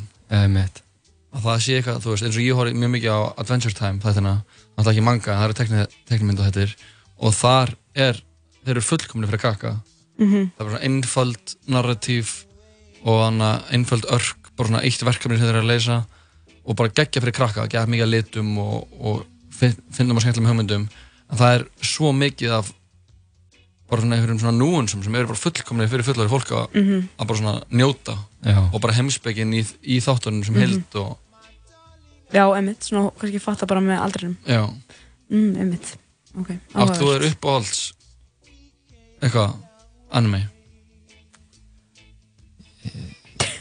Já, ég held, ég verði bara að segja Akira Já. og Princess Mononoke Já. sem, og ég ætla bara að stoppa Já. svo, svo, kannski, kannski Cowboy Bebop og Legend of the Galactic Heroes sem þættir Já. en síðan sko já, það er mjög gaman það er mjög mikið af fólki þú veist, ég mann því að ég var yngri þá vildi enginn sjá þetta. Þú veist, þá vildi enginn þarna þú veist, það strákanir eða vinið mínir voru eitthvað sjá hvað maður var að horfa á Mhm. mér leist ekkert á þetta. Nei. en síðan í dag er það að koma til manns og spurjum meðmæli og Já, já, veist, hvað er mælur með og það, mér finnst það bara mjög gaman sko, Já. ég tek því fagnandi. Koma skriðandi tilbaka. Já, koma skriðandi tilbaka. Nei, þetta er cool sko. Gæst, Stefán, takk hjá fyrir komuna. Já, bara Og takk fyrir mig. gott að við þurfum aðeins að byrja við þurfum að vera duglega sko, Já, að minna okkur á að við veitum ekki mikið sko. Nei, uh, stundum veit maður bara uh, ekki neitt, sko. Ég, hérna, tek það á mig í dag. en við erum, Núna veit ég. já, við erum fróðari Eftir fyrir vikið fróðari fyrir vikið Já, það er hárétt. en enn og aftur Stefán, takk fyrir komuna við komum aftur eftir smá stund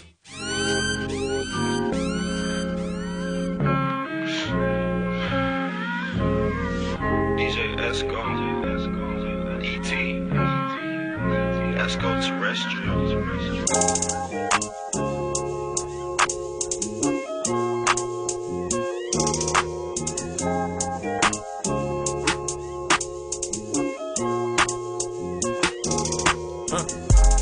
money, more problems. More guns, more violence. I couple cases. I feel like John got it. How about a Benz, baby? I feel like God like. I feel like taking some drink right now and pouring it over my niggas. We ain't never turned down, I'm a big dipper. Big tipper. You want it, you you get it. Cash on the liver. Rose on my liver. Headshots, headshots for my enemy. Still got a money machine clicking, you know how I kick it. Even a witness gon' see you in the penitentiary. Wait, he get it, she get it, they get it too. Lay on you, spray on you, hop in the coupe. Didn't know about Mally World till I introduce you. You can be sober as fuck, cause money is gon' seduce you. My hustle is gon' seduce you. My vibe ain't none of these niggas compared to me. Them none of these niggas compare to me. Most of these niggas are fans of me. I really appreciate it. I really, I really, I really, I really, I do. Majority bitches ain't loyal, they all done been ran through. I stay at it, get at it, work on it, count up and count up and count up. Mayback and Mayback, I sit back and lay back and flip through the channels. I flip through the channel, I'm watching the streets and they know I'm the Xander. I'm seeing the animosity, the righteous, I'm seeing in. I got some homies that just got out, some ones that just went in. The deeper the ocean, deeper the pain. Blow out the brains. Ain't gotta out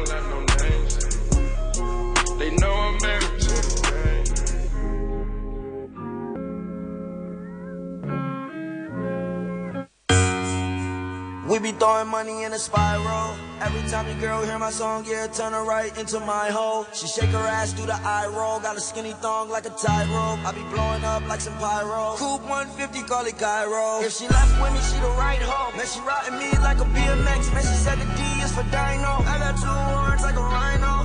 There's no way you can buy home, but I brought a mansion with a slide door. Yes, I opened up the slide door, so you can hear it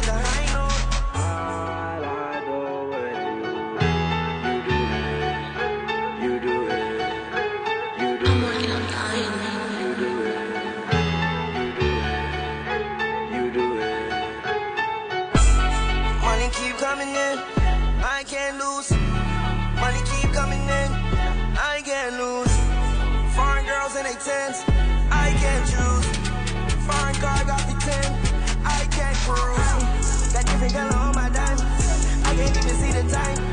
I don't wanna see her face,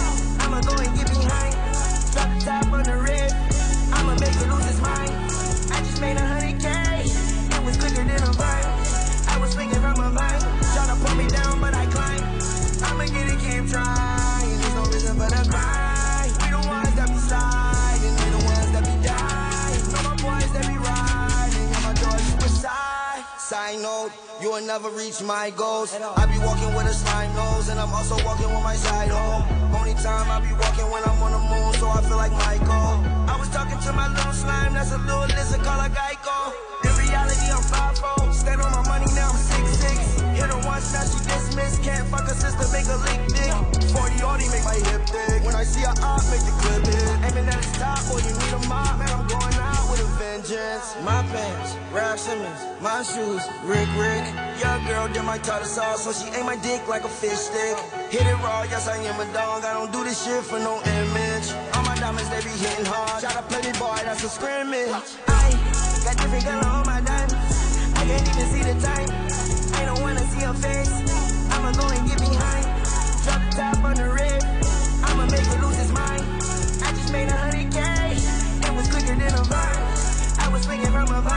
A vine. Tryna pull me down, but I climb. I'ma get it, keep trying. There's no reason but to cry. We the ones that be sliding. We the ones that be dying. My boys that be riding. My suicide. up, you can just go any day now. Michael Montana, defeated from cake out. I'm frosting my diamonds, I'm getting the cake now. I stay on your stomach, little bitch, when you lay down. Leave it up, cause you can go any day now. Michael Montana, defeated from cake out. Frosting my diamonds, cause I got the cake now. When you on your stomach, little bitch, better lay down. I'm so up and I can't turn it down. They counted me out, my whole life turned around. Clean up my diamonds, you know I got rented. Know my boys coming, you know they be busy. That advance that you waiting for already spent it. When I'm on the beat, man, you know I'm gonna kill it. We be throwing money in a spiral. Every time the girl hear my song, yeah, turn her right into my hole. She shake her ass through the eye roll. Got a skinny thong like a tightrope. I be blowing up like some pyro. Coupe 150, call it Cairo. I got different color on my diamonds. I can't even see the time. I don't wanna see her face. I'ma go and get behind. Drop the top on the red. I'ma make it lose its mind. I just made a hundred K. It was quicker than a vine. I was swinging from a vine. Tryna pull me down, but I climb. I'ma get it, keep trying. There's no reason but to cry.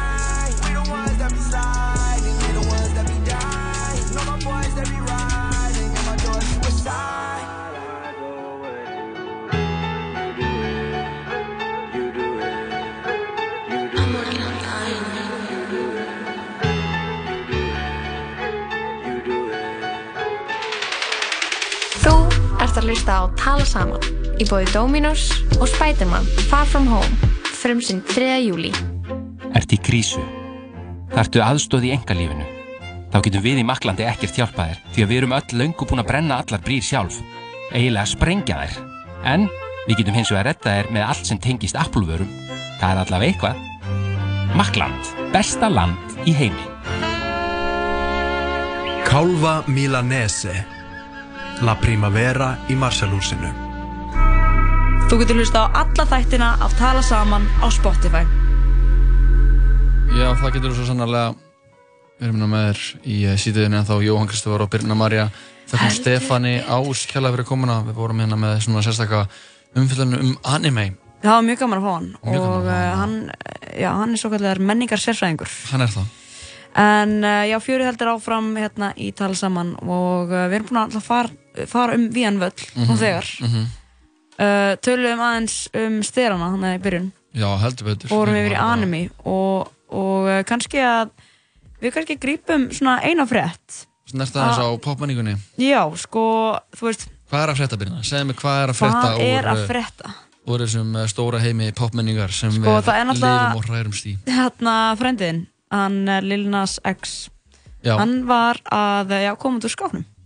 Ok, kongalegt um, og þetta er náttúrulega maðurinn á bakvið slagaran eh, Old Town Road. Emmett, yeah. Og þetta, hann bara tilkynnti þetta á Twitter. Mm og Segð bara I'm gay. Já, og þetta er náttúrulega bara, þú veist Hvernig var tweetið? sko, og ég er að lesa í svona Nei. Ekki. Með svona triangle Nei, hann, uh, hann segir bara sumir Ah, uh, man.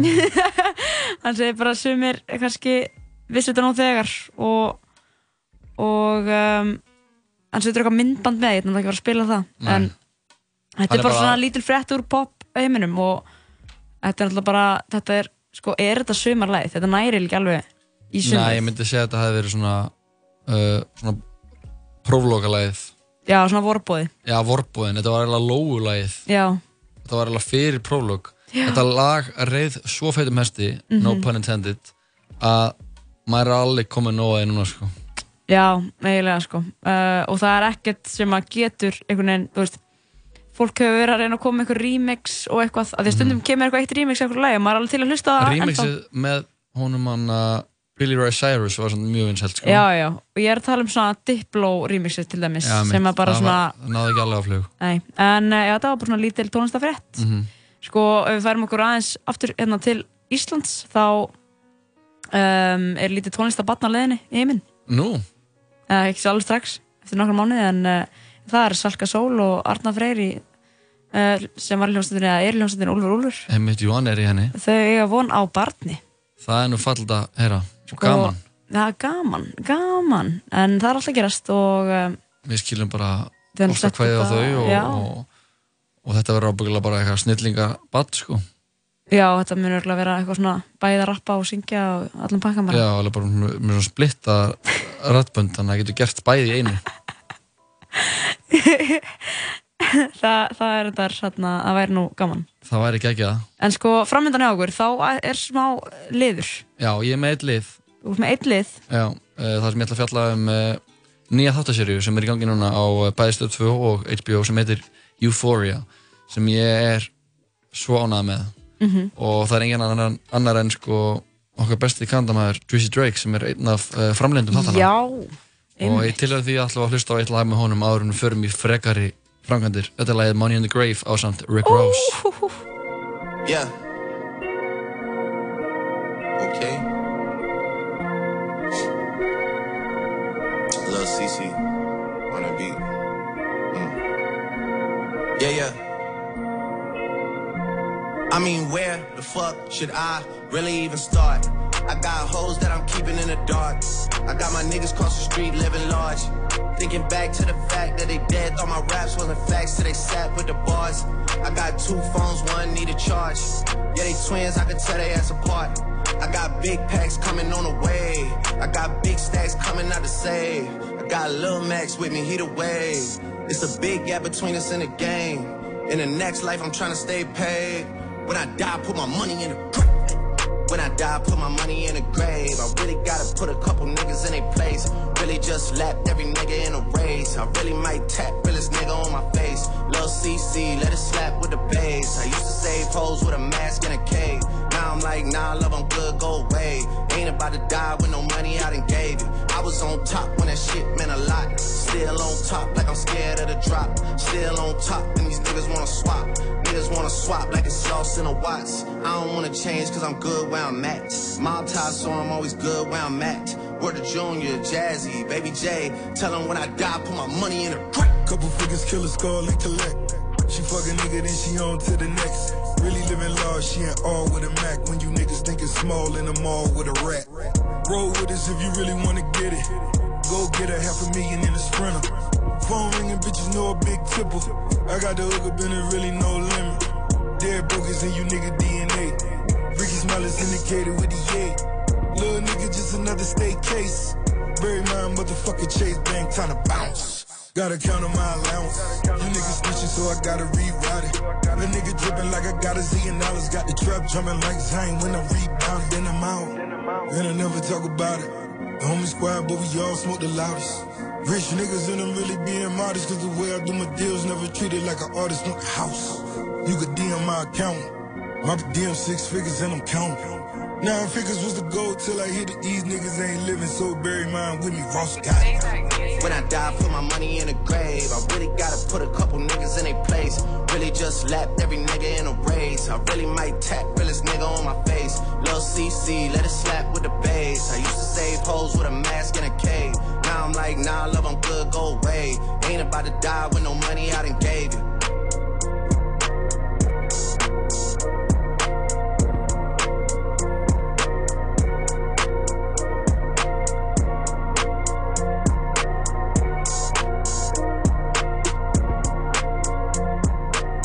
Já, þetta er Drake og Rick Ross Læð Money in the Grave. Drake gaf þetta út í tilefni þess að uh, Toronto Raptors urðu NBA meistarar uh, núna fyrr í uh, sumar. Mhm. og uh, fyrst skipti í sögu liðsins sem að hefði þeir verða NBA meistarar. En uh, nú er komið að því að hér í sítæðisættum tala saman hafið fyrir mig lið sem heitir hann, ég hef nú ekki verið mikið enn í sítæðisættum Nei, ég hérna, já, þetta er sérst, uh, liðurinn heitir eh, Dót sem ég er búinn að sjá, uh, nei, er búinn að horfa á eða langar að sjá. Já, við erum alltaf að finna nýtt nafn á hann lið og uh, það kemur bara ekkert maður sér en ég ætla samt sem aður að horfa að nei, segja frá segja frá þáttaserju sem ég er að horfa á. Einmitt. og uh, sem ég er bara svo ótrúlega imponeraðar af. Ég er bara svo spenntur fyrir henni sko og uh, hún uh, sér hann heitir Euphoria Euphoria, bara eins og Já. lagið. Já, eins og uh, lagið með Lorín og ég get ekki staðfest nýja neitað að það skýrt, sé skýrt í höfuð á þessu lagi en uh, sko Euphoria er ameríst svona unglingadrama skrifað af uh, Sam Levinson sem hefur gert uh, hann hefur ekki gert neitt mikið mjög þekktu, hann gerði eitthvað svona, eitthvað svona ránsmynd sem fjallaði með hópar einhverjum gælum sem var að ræna einhverju. Sem gerði hann uh, bíómynd með uh, Robert De Niro í fyrra. Hann hefur ekkert beint átt eitthvað svona þú kann, maður kannast ekkert við eitthvað svona eitt nafn eftir það sem hann hefur Nei, gert. ok. en uh, þetta er held ég eitthvað sem hann muni mun svona verða hans Þetta mun stimplan inn bara. stempla hann rækjulegin hann sem skrifar þessa seríu en þetta er byggt á samlendri örseríu frá Ísrael Ok, já, skemmtilegt. já, það er eitthvað svona sem er ég hef ekkert orðið mikið var við það það væri eitthvað svona ég bara pæla ekkert í hvað fólk er að horfa á í Ísrael. Ég held að það var bara að horfa á ameríst dót.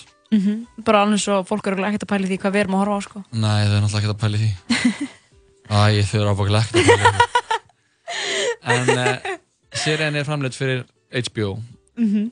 Home Box Office sem uh, þurftu náttúrulega alveg á öllum trompum að halda til þess að, að þegar Game of Thrones kláraðist þá náttúrulega var búist við að fólk myndi bara segja upp áskiptinu sinni hjá HBO Mhm. en uh, ég held að, að það hafi gengið betur en uh, áallega var að halda fólki hjá Einmitt. stöðinni, þetta er náttúrulega cable TV sko. Við náttúrulega kunnumst ekki við þetta hérna heima. Það er cable TV en uh, þetta það verðist ganga ágætlega. Og ofan á það eru yngir yngvitar sem koma að því að framlega þættina heldur er uh, þessi áðurnemdi kanadamæður Drake, eina framlegndum þáttana Mhm. og einnig Adel Noor eða eins og hann er kallað Future the Prince sem er umbásmaðurinn hans og, og plötusnurinn hans Já. hann er líka að framlega þetta með honum og uh, þetta gerist í einhverjum svona einhverjum uh, Anytown USA eins og maður segir Mhm. Getur bara verið einhver staðar í bandaríkjunum Mhm.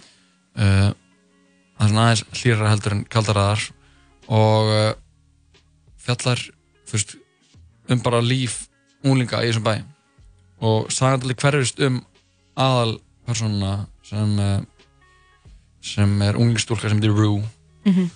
og uh, hún eitthvað svona fæ, segir frá í fyrsta að hún fæðist þrem dögum eftir eftir uh, 9-11 og, og bara svona er að lýsa, lýsaði bara eitthvað að fóldrarnar lágu bara upp í sjúkrarúmunu með hana og hún var bara, og fóldrarnar voru bara tilfinninga dauvari og dauvari og dauvari með hverju mínutunum sem það horfið á flugvöluna, fljúin í turnin Mhm. og síðan lýsir hún, þú veist, sínum uppvexti hún er bara með aðtryggsprest og hún er bara komin á kvíðalif og bara, og bara svona, þetta er svona algjört millennial uh, svona upplifun millennial einstaklings aðalast upp Mhm.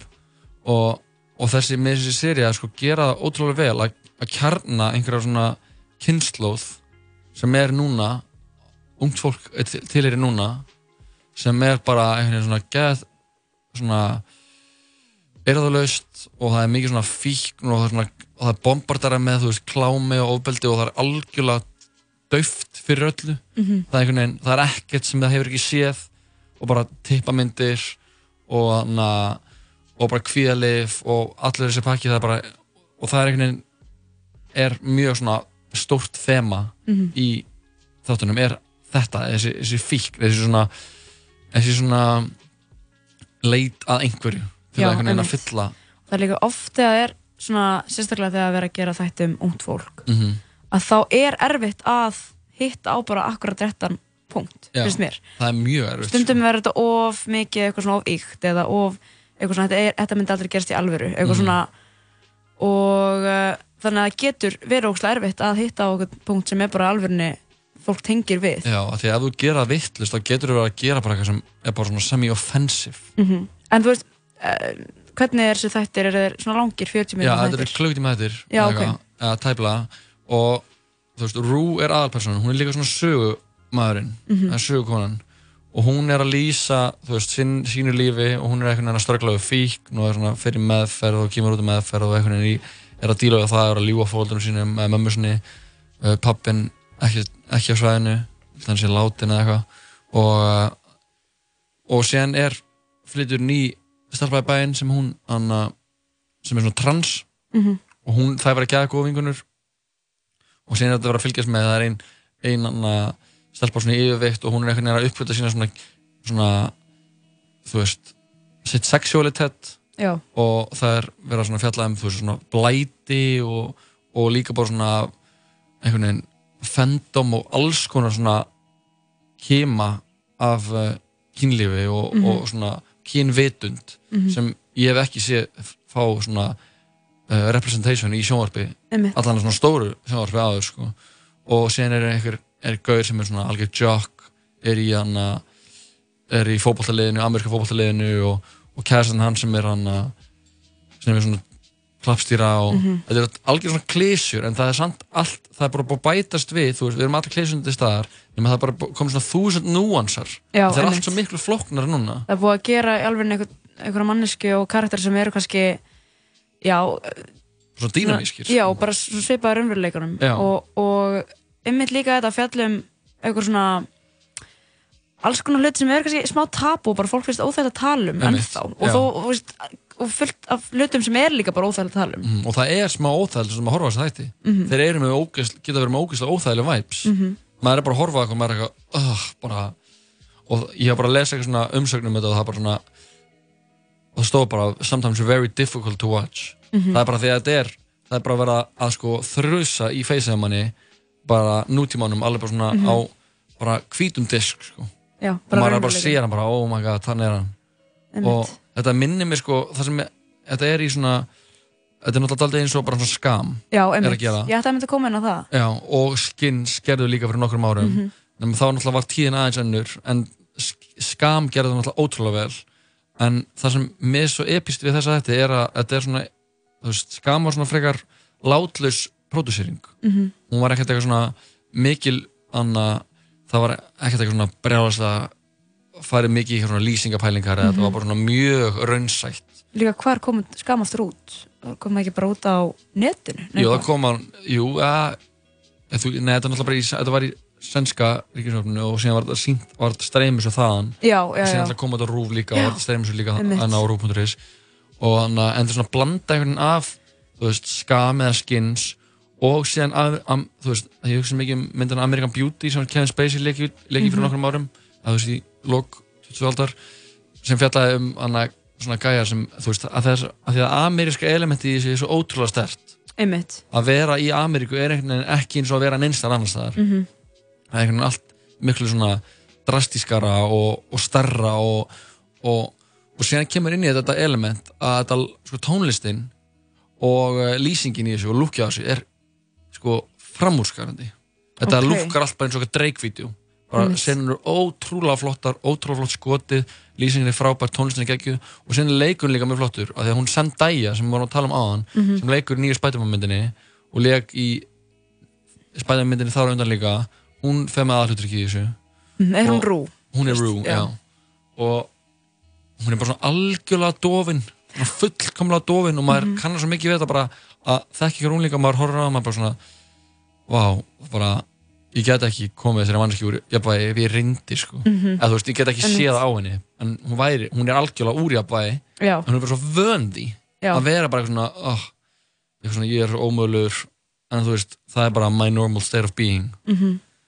og þannig að ég sko það er þetta nálgast að þættir bara ná held ég ábyggulega á marathónu eða þannig að dæminu Mhm. og ef maður er með, þú veist, VPN og er að tjekka Hulu og HBO þannig, það er þetta sko þetta Mhm.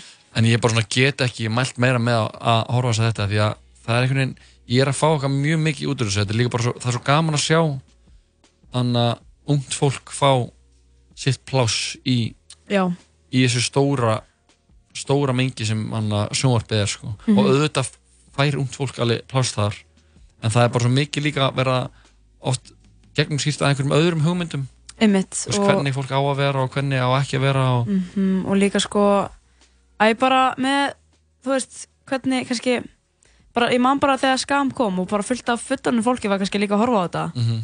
og það kannski líka fekk smá svona wow, þú veist, þetta er bara þau voru kannski búin að ímynda, ímynda sér hlutina allt öðruvísi Já, menn, fólk hefur ekki hugmynd um hvað er í gangi sko. en svo er aðeins þættir sem að bara að vorum svona að tala um svona þegar erum að taka á ykkur sem er kannski óþægilegt Mhm. það eru þættirnir þarna Easy sem er á Netflix hefur að tjekka á þeim eitthvað ég er aðeins búin að horfa en þetta er bara þeir eru sko, maður getur bara að horta á hvaða þátt sem er Ok. þeir eru ekki tengdir Ok, nema það er hvað þetta þægilegt. gerist í sama sömu, þú veist, sama heimi Já, sömu já. borg, þannig að það er svipaði karakterar Mhm. skilur, þannig að um, segjum að eitt þáttur sé mig og mína Já. og þú ert kannski bara vinur minn og þá kemur þú kannski aðeins fram en næsta þáttur hann er um þig skilur, Ég þá sést kannski ekkert um, í mig þannig að þetta tengist allt Já. en það er bara í hverjum einu þætti það er að tekja á okkur svona já, tekja á, þú veist, það er fjalla um eitthvað svona eitt um, eitt hlut, Mhm. þú veist, eins og í einu þá er einhver stelpa sem er ógslag skotin annar stelpu Mhm. Og hún er vegan Mhm. og hún þykist vera vegan líka skilur Já, og þetta er, þetta er ógslag fyndið af því ofta er þetta svona, ah, eitthvað svo óþægilegt og hún er eitthvað svona, þykist vera vegan og þykist hjóla gett mikið og kaupa sér hjól og, Mhm. og þykist hafa átt hjálminn gett lengi en hún rispar hann gett mikið í jörðir, æskilur bara svona, maður er bara að hugsa eitthvað svona eitthvað aðstæðar sem að maður hefur kannski bara lent í eitthvað tíman Mhm.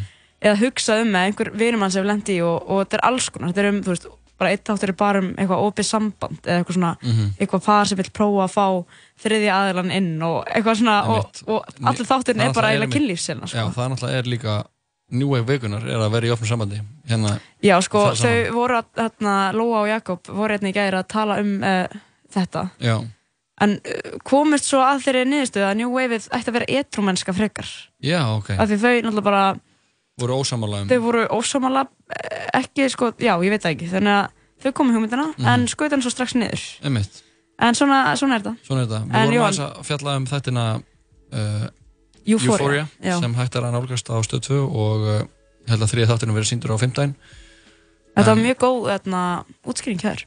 Jú, og takk hérlega fyrir þetta. Minnst það, við sem hlustaði þetta lag og síðan komum við aftur og uh, pakkum við sæðið saman Yes.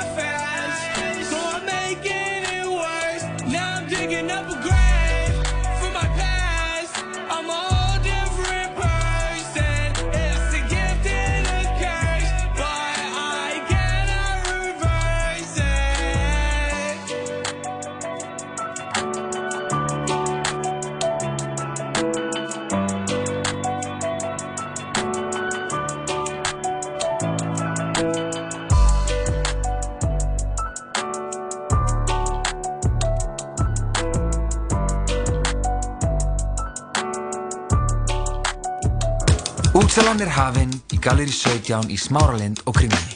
30-40% afsláttur af fínustu flíkum bæjarins. Galeri 17, Smáralind og kringlunni. Frí áfylling á kókið. Hæ, ég heiti Aron Már. Hefur eitthvað tíman verið að skrolla niður Instagram feedið þitt og hugsa með þér, wow, Aron er í flottri flík. Ég var alveg til í að eignast þessa flík. Veistu það? Nú getur það. Því ég er að selja föti mín á netportið.is. Tala saman alla virka daga millir fjögur og sex. Í bóði Dominos og Spiderman Far From Home frumsýnd 3. júli Jújú, frumsýnd 3. júli, þú ert að hlusta á að sýti þess að tala saman með Jóhanni Kristoffer og Byrnu Maríu. Klukkuna vantar 6 mínútur í 6 Heldur betur. Fer nú að stetta sig að við uh, sláðum bóknina þátt. Já, þetta er búið að vera góð dagur dag. Jóhann, við erum hérna fyrst skiptið saman og, Já, eða betur. svona eiginlega. Já, næri sýtiðinu og uh, þetta er náttúrulega svona um, já, svona svolítið öðru í sér vika farmyndan hérna. Já, þetta er aðeins öðru í þessu, við ætlum að kynna þetta svona aðeins betur á næstu dögum. Mhm. en uh, við erum svona aðeins að uh, mixaði fyrirkomuleginu í sítiðinu Einmitt. við erum uh, Eh, fjögur sem erum að fara að skipta þessu millakvar og, og deilisum en uh, ég hlaka bara til að gaman að vera komin uh, svona aðeins sérna ég er náttúrulega vanið að vera, vera hérna bara svona hálfst lifandi en þá svoandi hérna mótnana sko Einmitt. bara mæta í, mæta hérna bara 6.30 og vera bara góðan daginn Já, nú ertu komin í, já, bíumanneski flokkin. Er Ertu hjartanlega velkomin. hér á ég heima fyrir. En þetta er búið að vera uh, finnstu þáttur hjá okkur. Við erum búin að fara um viðan völl og byrjum að fara í lítið frétta hotn sem svona, já, var með yfirtitilin kjöt. Já, fórum tölum um pulsur og, og sem er vil er nýji anna kjúklinga nakka kongurinn og, og uh, Enga pulsur eftir sund og... og, fullasti maður Íslands var að keira í keflaði ekki ger Einmitt, uh, þetta og svo fóru beint yfir í steraviðtal. Já Eða Birna, viðtal um stera. Já, þú tókst svona listilega gott viðtal við hann uh, Hann heitir Birgir Sverrisson, hann er, já, hann er framkvæmstjóri Livji eftirlitsins og uh, við rættum aðeins málum stera og hann svona, já, sagði mér ímislegt Mhm. og það kom allt óvart og svo fórum við beint yfir í, uh, já, smá viðtal. Fengum hann Stefan Ás hinga til okkar sem að sagði okkar hans frá Anime Já, og heldur betur. já, ég uh, get sko fullviss að ykkur uh, hvað, hvað, hvað get ég sagt, bara ég bara veit núna eitthvað um þetta. Já, þú ert ekki lengur blind á Uh, nei, animeið. alls ekki. Um, Já, þetta er bara búið að vera snilt, já, myndi ég segja. síðan smá umfyllun frá mér um uh, þættina Euphoria sem hefur verið að sína á stöð 2 og, og HBO núna. En kannski að, já, við minnum á að þættinar okkar, þeir eru aðgengilegir á Spotify. Já, Einfallega bara skrifar tal saman og þú finnur okkur þar. Einmitt. eða eða nema þú vilja hlusta á lagið með flóna. Já, nei, já, sem er ekkert síðara. En uh, já, endilega hendi follow Spotify og við sjáum svo bara. Já, við þakkum bara kærlega fyrir okkur. Verðum henn aftur á saman tíma á uh, morgun. Mhm. reyndar að þú ekki, ekki þú byrjun, þú mætir aftur á föstudaginn. Ég mæti með stuða fyrstæðin en uh, við þakkum fyrir okkur í dag. Endum þetta á vola Vaknaði seint og slefti skóla. Heyr ekki sjálfum mér fyrir hugsunum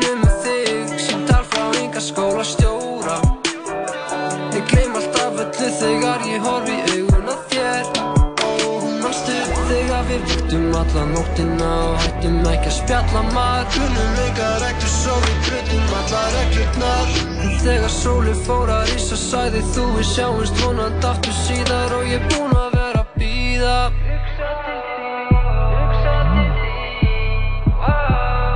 Búinn að vera að býða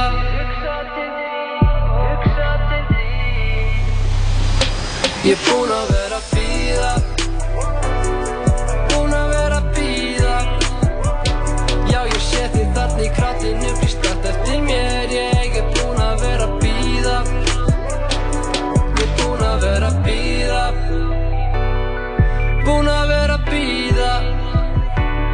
ég sé þig þarna í krátinu Býst allt eftir mér. Ég er búinn að vera að býða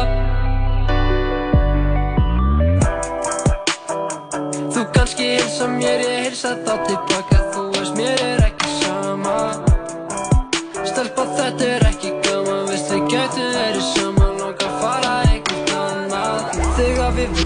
alla nóttina Og hættum ekki að spjalla maður. Kunnum enga reglur svo við brutum alla reglurnar. En þegar sólinn fór að rísa Sæði þú við sjáumst vonandi aftur síðar. Og ég búinn að vera að býða Búinn að vera að býða Já, ég þig þarna í krátinu Býst allt eftir mér Ég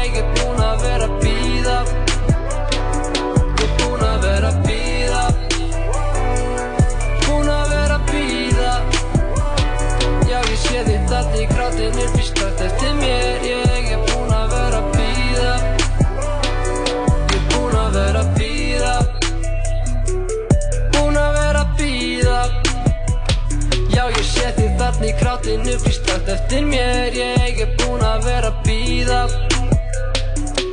er að vera að býða Í dag er ekki mánudagur og það er ekki heldur miðgudagur af því að í dag er Þið viti hvað dagur er í dag Dominos Hamburgerabúla Tómasar, þriðudagstilbóð, þriðudagstilbóð. Hamburgerabúla Tómasar. Likki Lí í Hörpu, 5. kvöldið 4. júli.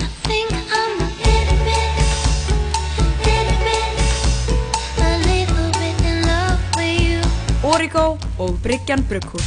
Landsbankin kynni Stock chose you. Eftir atbyrði Avengers Endgame þarf Spider-Man að stígu Are you going to step up or not? til að takast á við nýjar ógnir really miss him. í heimi sem hefur breyst að eilífu. I don't think Tony would have done what he did if he didn't know that you were going to be here after he was gone. Spider-Man Far From Home, frum sín 3. júli. Big Trouble er nýr, stór og sterkur sérborgari á American Style. Í bóði í takmarkaðan tíma. American Style Útvarp 101